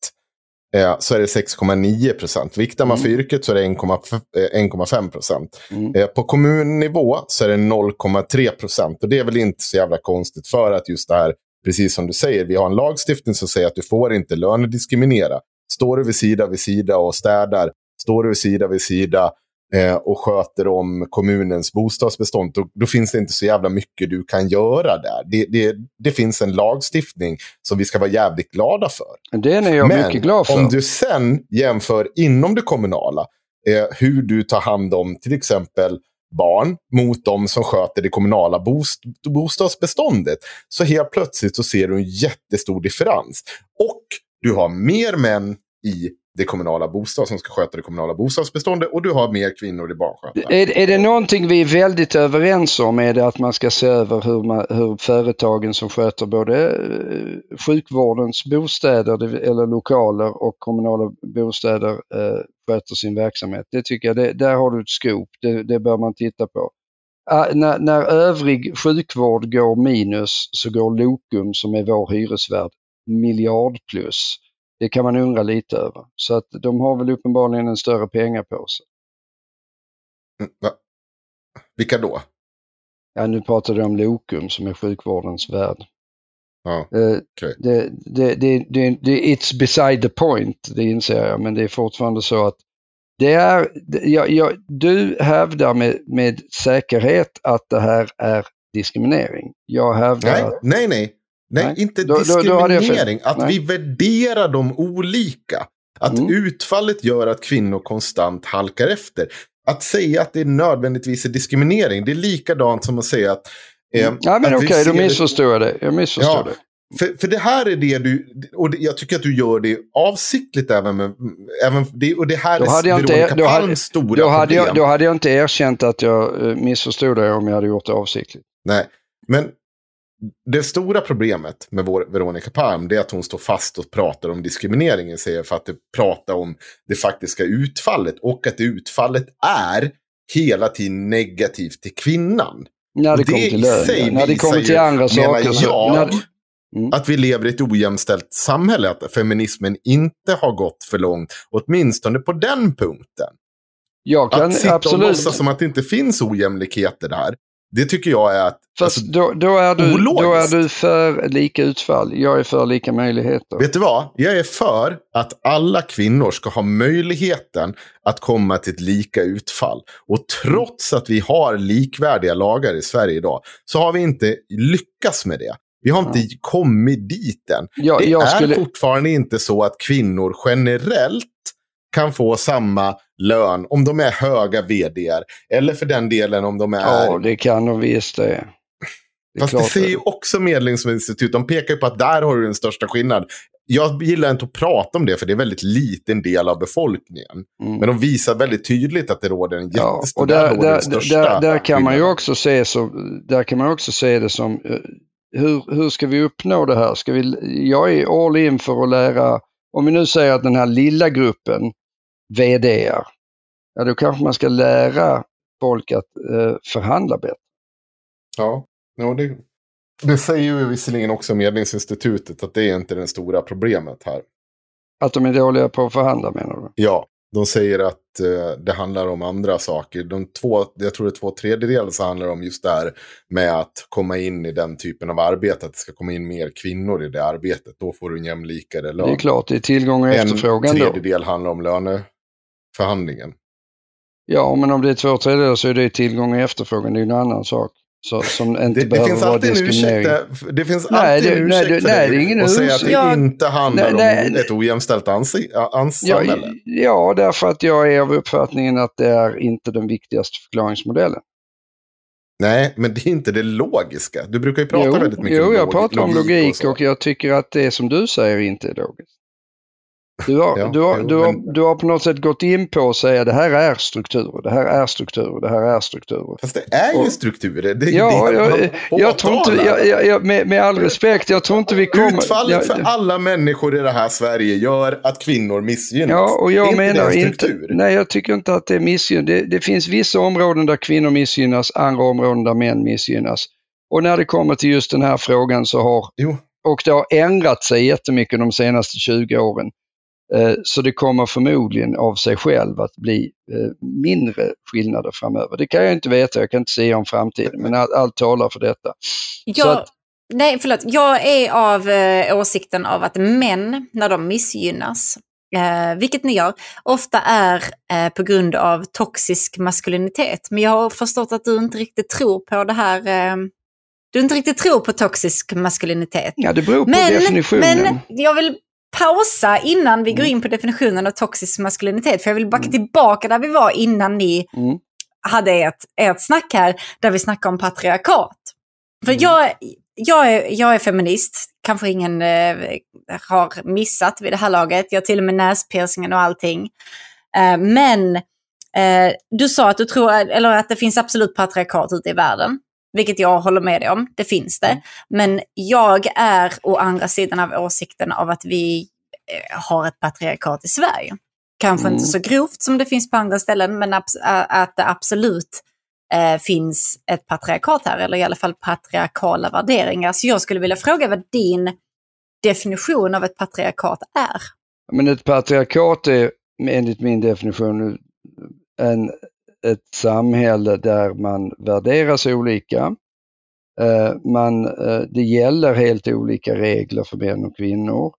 Eh, där männen då, om det är ett patriarkat, gynnas konsekvent i, i princip alla sammanhang. Och, och där, man, där kvinnor är ofria, man kan inte välja sig vad- man ska göra. Det, det är ett patriarkat, enkelt. Mm.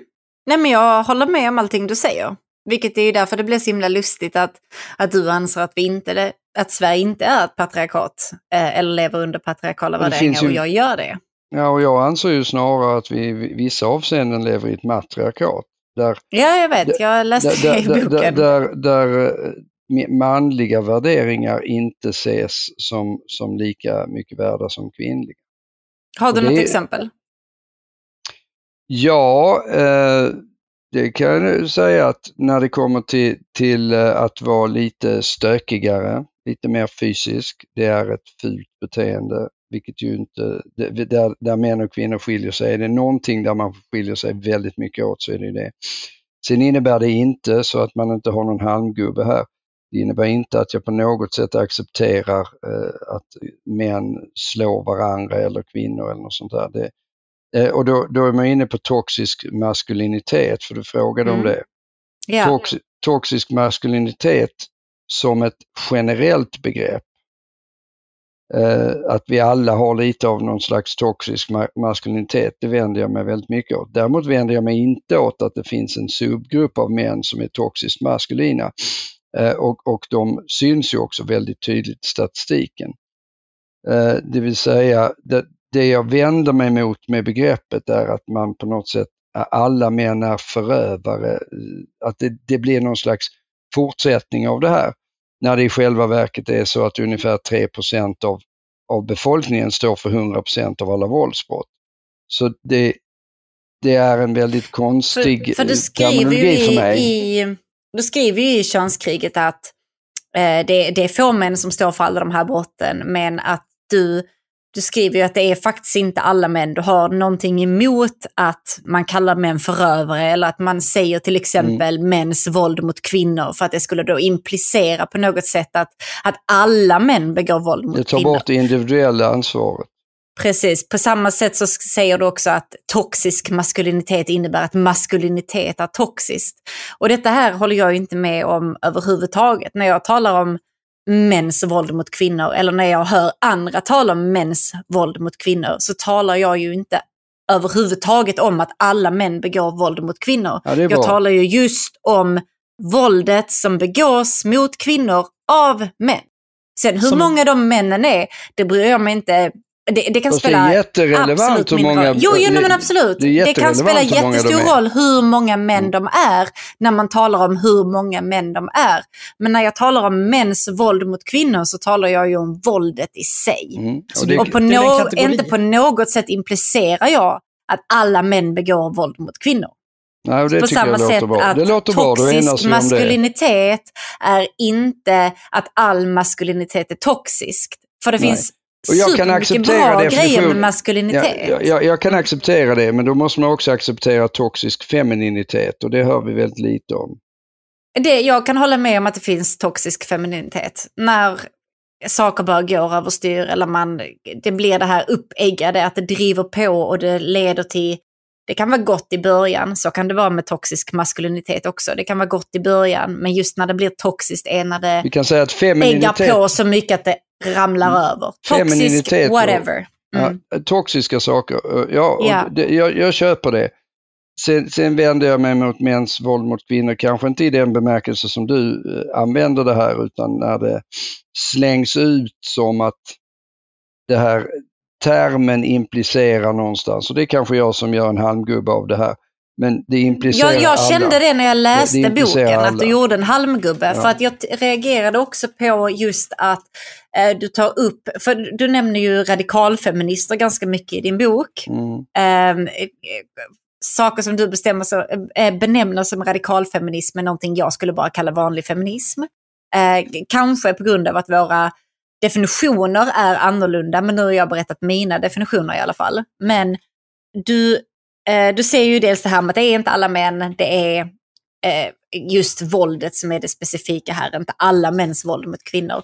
Men En, en, en liten bråkdel av alla mäns våld är det ju. Det, det är en väldigt liten del av alla män som står för det här våldet. Det är det som är min poäng. Och då blir begreppet mäns våld mot kvinnor väldigt eh, missvisande. Eftersom nej, det hade blivit missvisande om jag sa alla mäns våld mot kvinnor. ja, det jag hade varit, att det hade varit ännu mer kvinnor- missvisande, tycker jag. Men det här med mäns våld mot kvinnor, alltså det är ju bara en kategorisering eftersom det är Kategorin är män som begår våld mot kvinnor. Ja. Man skulle lika gärna kunna säga kvinnors våld mot män om det var en grej.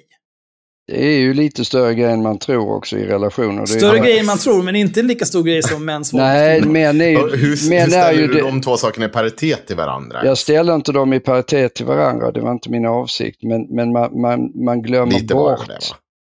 Vad sa du? Lite var det väl ändå din avsikt att ställa dem Nej, varandra. nej, ja kanske så tillvida att man, man i den här termen pratar om, om, om någonting som naturligtvis leder till fruktansvärda följder. Mycket också där, därför att mannen är mycket starkare så det får katastrofala följder. Och det är, inte att ställa det mot varandra. Kvinnors våld mot män leder till att kvinnor dör. Ja, de gjorde eller ju något, nej, nej, exakt, exakt. Och det, det, det är självklart att det här inte är jämförbart just av det skälet. Men, men det är fortfarande så att man leds till att tro att kvinnor inte utövar våld mot män, vilket de gör. Gävle universitet gjorde en stor undersökning på det här som visar att det var ju ganska vanligt förekommande. Inte så mycket mindre vanligt än att män slog kvinnor, men det är naturligtvis, effekten är ju helt annorlunda. Ja. Men då, Jag då tänker tycker jag här- återigen man förenklar saker väldigt mycket som, som jag, jag är, har, har lite svårt för. Ja, jo, det kan man ha. Jag, jag tänker mer att när eh, till exempel, om, om någon pratar om mäns våld mot kvinnor eller alla män är bla bla bla. Eh, du säger ju att du tycker om att spetsa till det. Liksom. Jag tolkar den typen av retorik som att det är liksom en, en tillspetsad slogan för att få just den typen av reaktion från sådana som dig. För att liksom... Eh, Trigga mig helt enkelt. Ja, för att trigga dig. För att du inte bara ska ignorera det och tänka så här, ja, ja. Ja, fast det får motsatt, sen det för, mig, för, mig, för, för mig får det motsatt effekt. För jag, precis som ni, ser det som ytterst problematiskt med de män som eh, står för den här eh, majoriteten av våldet i samhället. Jag ser det som oerhört problematiskt. Men den Mm. här termen, när den förkläds i det här, får ju mig, ni får ju inte mig med er, vilket jag antar Alltså- att ni egentligen vill. 3 procent också. Att, att 3 procent av männen skulle stå för allt våld mot kvinnor, det är också 3 en... procent av befolkningen, så det är väl sannolikt upp mot 6 procent av männen. Det, Ja, det, alltså det, för mig är det... Eh, det här, det här är ju låter de som... fruktansvärt lite, ska jag säga. Men jag Ja. baserar ju inte det på någonting annat än, än Nej, känslor. alltså tillägga en sak. Du påstår att majoriteten av dem är psykopater. Har du någon som helst stöd för det i någon typ av forskning? Ja, det jag har stöd för är att ungefär 1 procent av alla, så majoriteten har jag inte sagt är psykopater. Jag säger att de här 1 procenten som är Du återfalls... säger det i Aron Flam. Jag tänker alltså säga, om du... Jag är... Du har inte träffat på någon som skaffar sig så mycket skärmdumpar, som lyssnar så mycket, som citerar så mycket som jag. Jag kommer fucking lyssna igenom varenda grej. Men- jag kommer men- skicka men- det men- till men- dig. Hen- Du säger att Henrik- majoriteten av dem är psykopater. Hen- Henrik, vad jag Mm. säger är att av återfallsförbrytare, det är 1 procent av, av, Ja, okej. av, av alla, de som, de som står för 67 procent av allt våld i, i Sverige, det är ungefär 1 procent. Det är kanske då 2 procent män. Och vad jag säger då är att psykopati, jag vet inte hur du är familjär med begreppet, psykopati är som alla andra egenskaper normalfördelade. Så det finns ingen cut-off-linje som är stensäker för när du är psykopat eller ej. Utan Förklara cut-off-linje för folk Ja, men som cut, lyssnar. cut, cut-off, om du har en normalfördelningskurva så säger du, du, du, du har svansar på normalfördelningskurvorna där du har väldigt få individer och sen i mitten så är de flesta. Det vill säga om du, om du har psykopatichecklistan så är det en, en, en erkänd metod att säga hur mycket psykopatiska drag har en enskild person. Och Mm. den går ju då från 0 till vad är det, 40. Och har du över 30 på den, då är du klockren psykopat. Och det kan röra sig om ungefär 1% Men om du då går upp bakåt och så säger du att ja, du kanske inte har 30 på den här, du kanske har 25 eller 24 eller något sånt där. Va? Då ökar andelen. Det är det jag menar. att Du kan inte sätta en sån här, alla säger så, hur många människor är psykopater? Ja, det beror på vad du sätter cut-off-linjen Nej, på normalfördelningskurvan. Men så här, li, li, vet du vad David? Det är inte det jag frågar. Du påstår så här, att en majoritet, okej, vi, vi, jag kan ge dig, du, du får jättegärna rätta mot vad du har sagt tidigare. Och det, det köper jag, det är helt okej. Du, nu säger du att en majoritet av de här återfallsförbrytarna är psykopater. Finns det ta, ett statistik på det? Ett annat problem jag har med när du pratar om det här våldet som sker, det är att du pratar bara om det våld som såklart leder till fällande dom. Hejsan alla haveristerna lyssnare och hej alla jävla gratisåkare. Magnus här. Alltså personen som klipper den här produktionen. Anledningen till att du hör min röst nu, det är för att ingenting är gratis i den här världen. Så inte heller resten av det här avsnittet. Så vill du fortsätta lyssna på de här fyra extremt självupptagna och självförhärligande människorna har att säga om feminism, könsmaktsordningen eller hur Sverige numera går att jämföra med romanen 1984. Ja, då får du helt enkelt öppna lilla plånboken och bli Patreon. För på Patreon så hittar du nämligen den andra delen av det här samtalet med David Eberhard. Och varför skulle du inte vilja det? Vill du verkligen missa när det blir lite pressad stämning, lite upprörda känslor och en hel del prat i munnen på de fyra inblandade parterna? Det är klart du inte vill.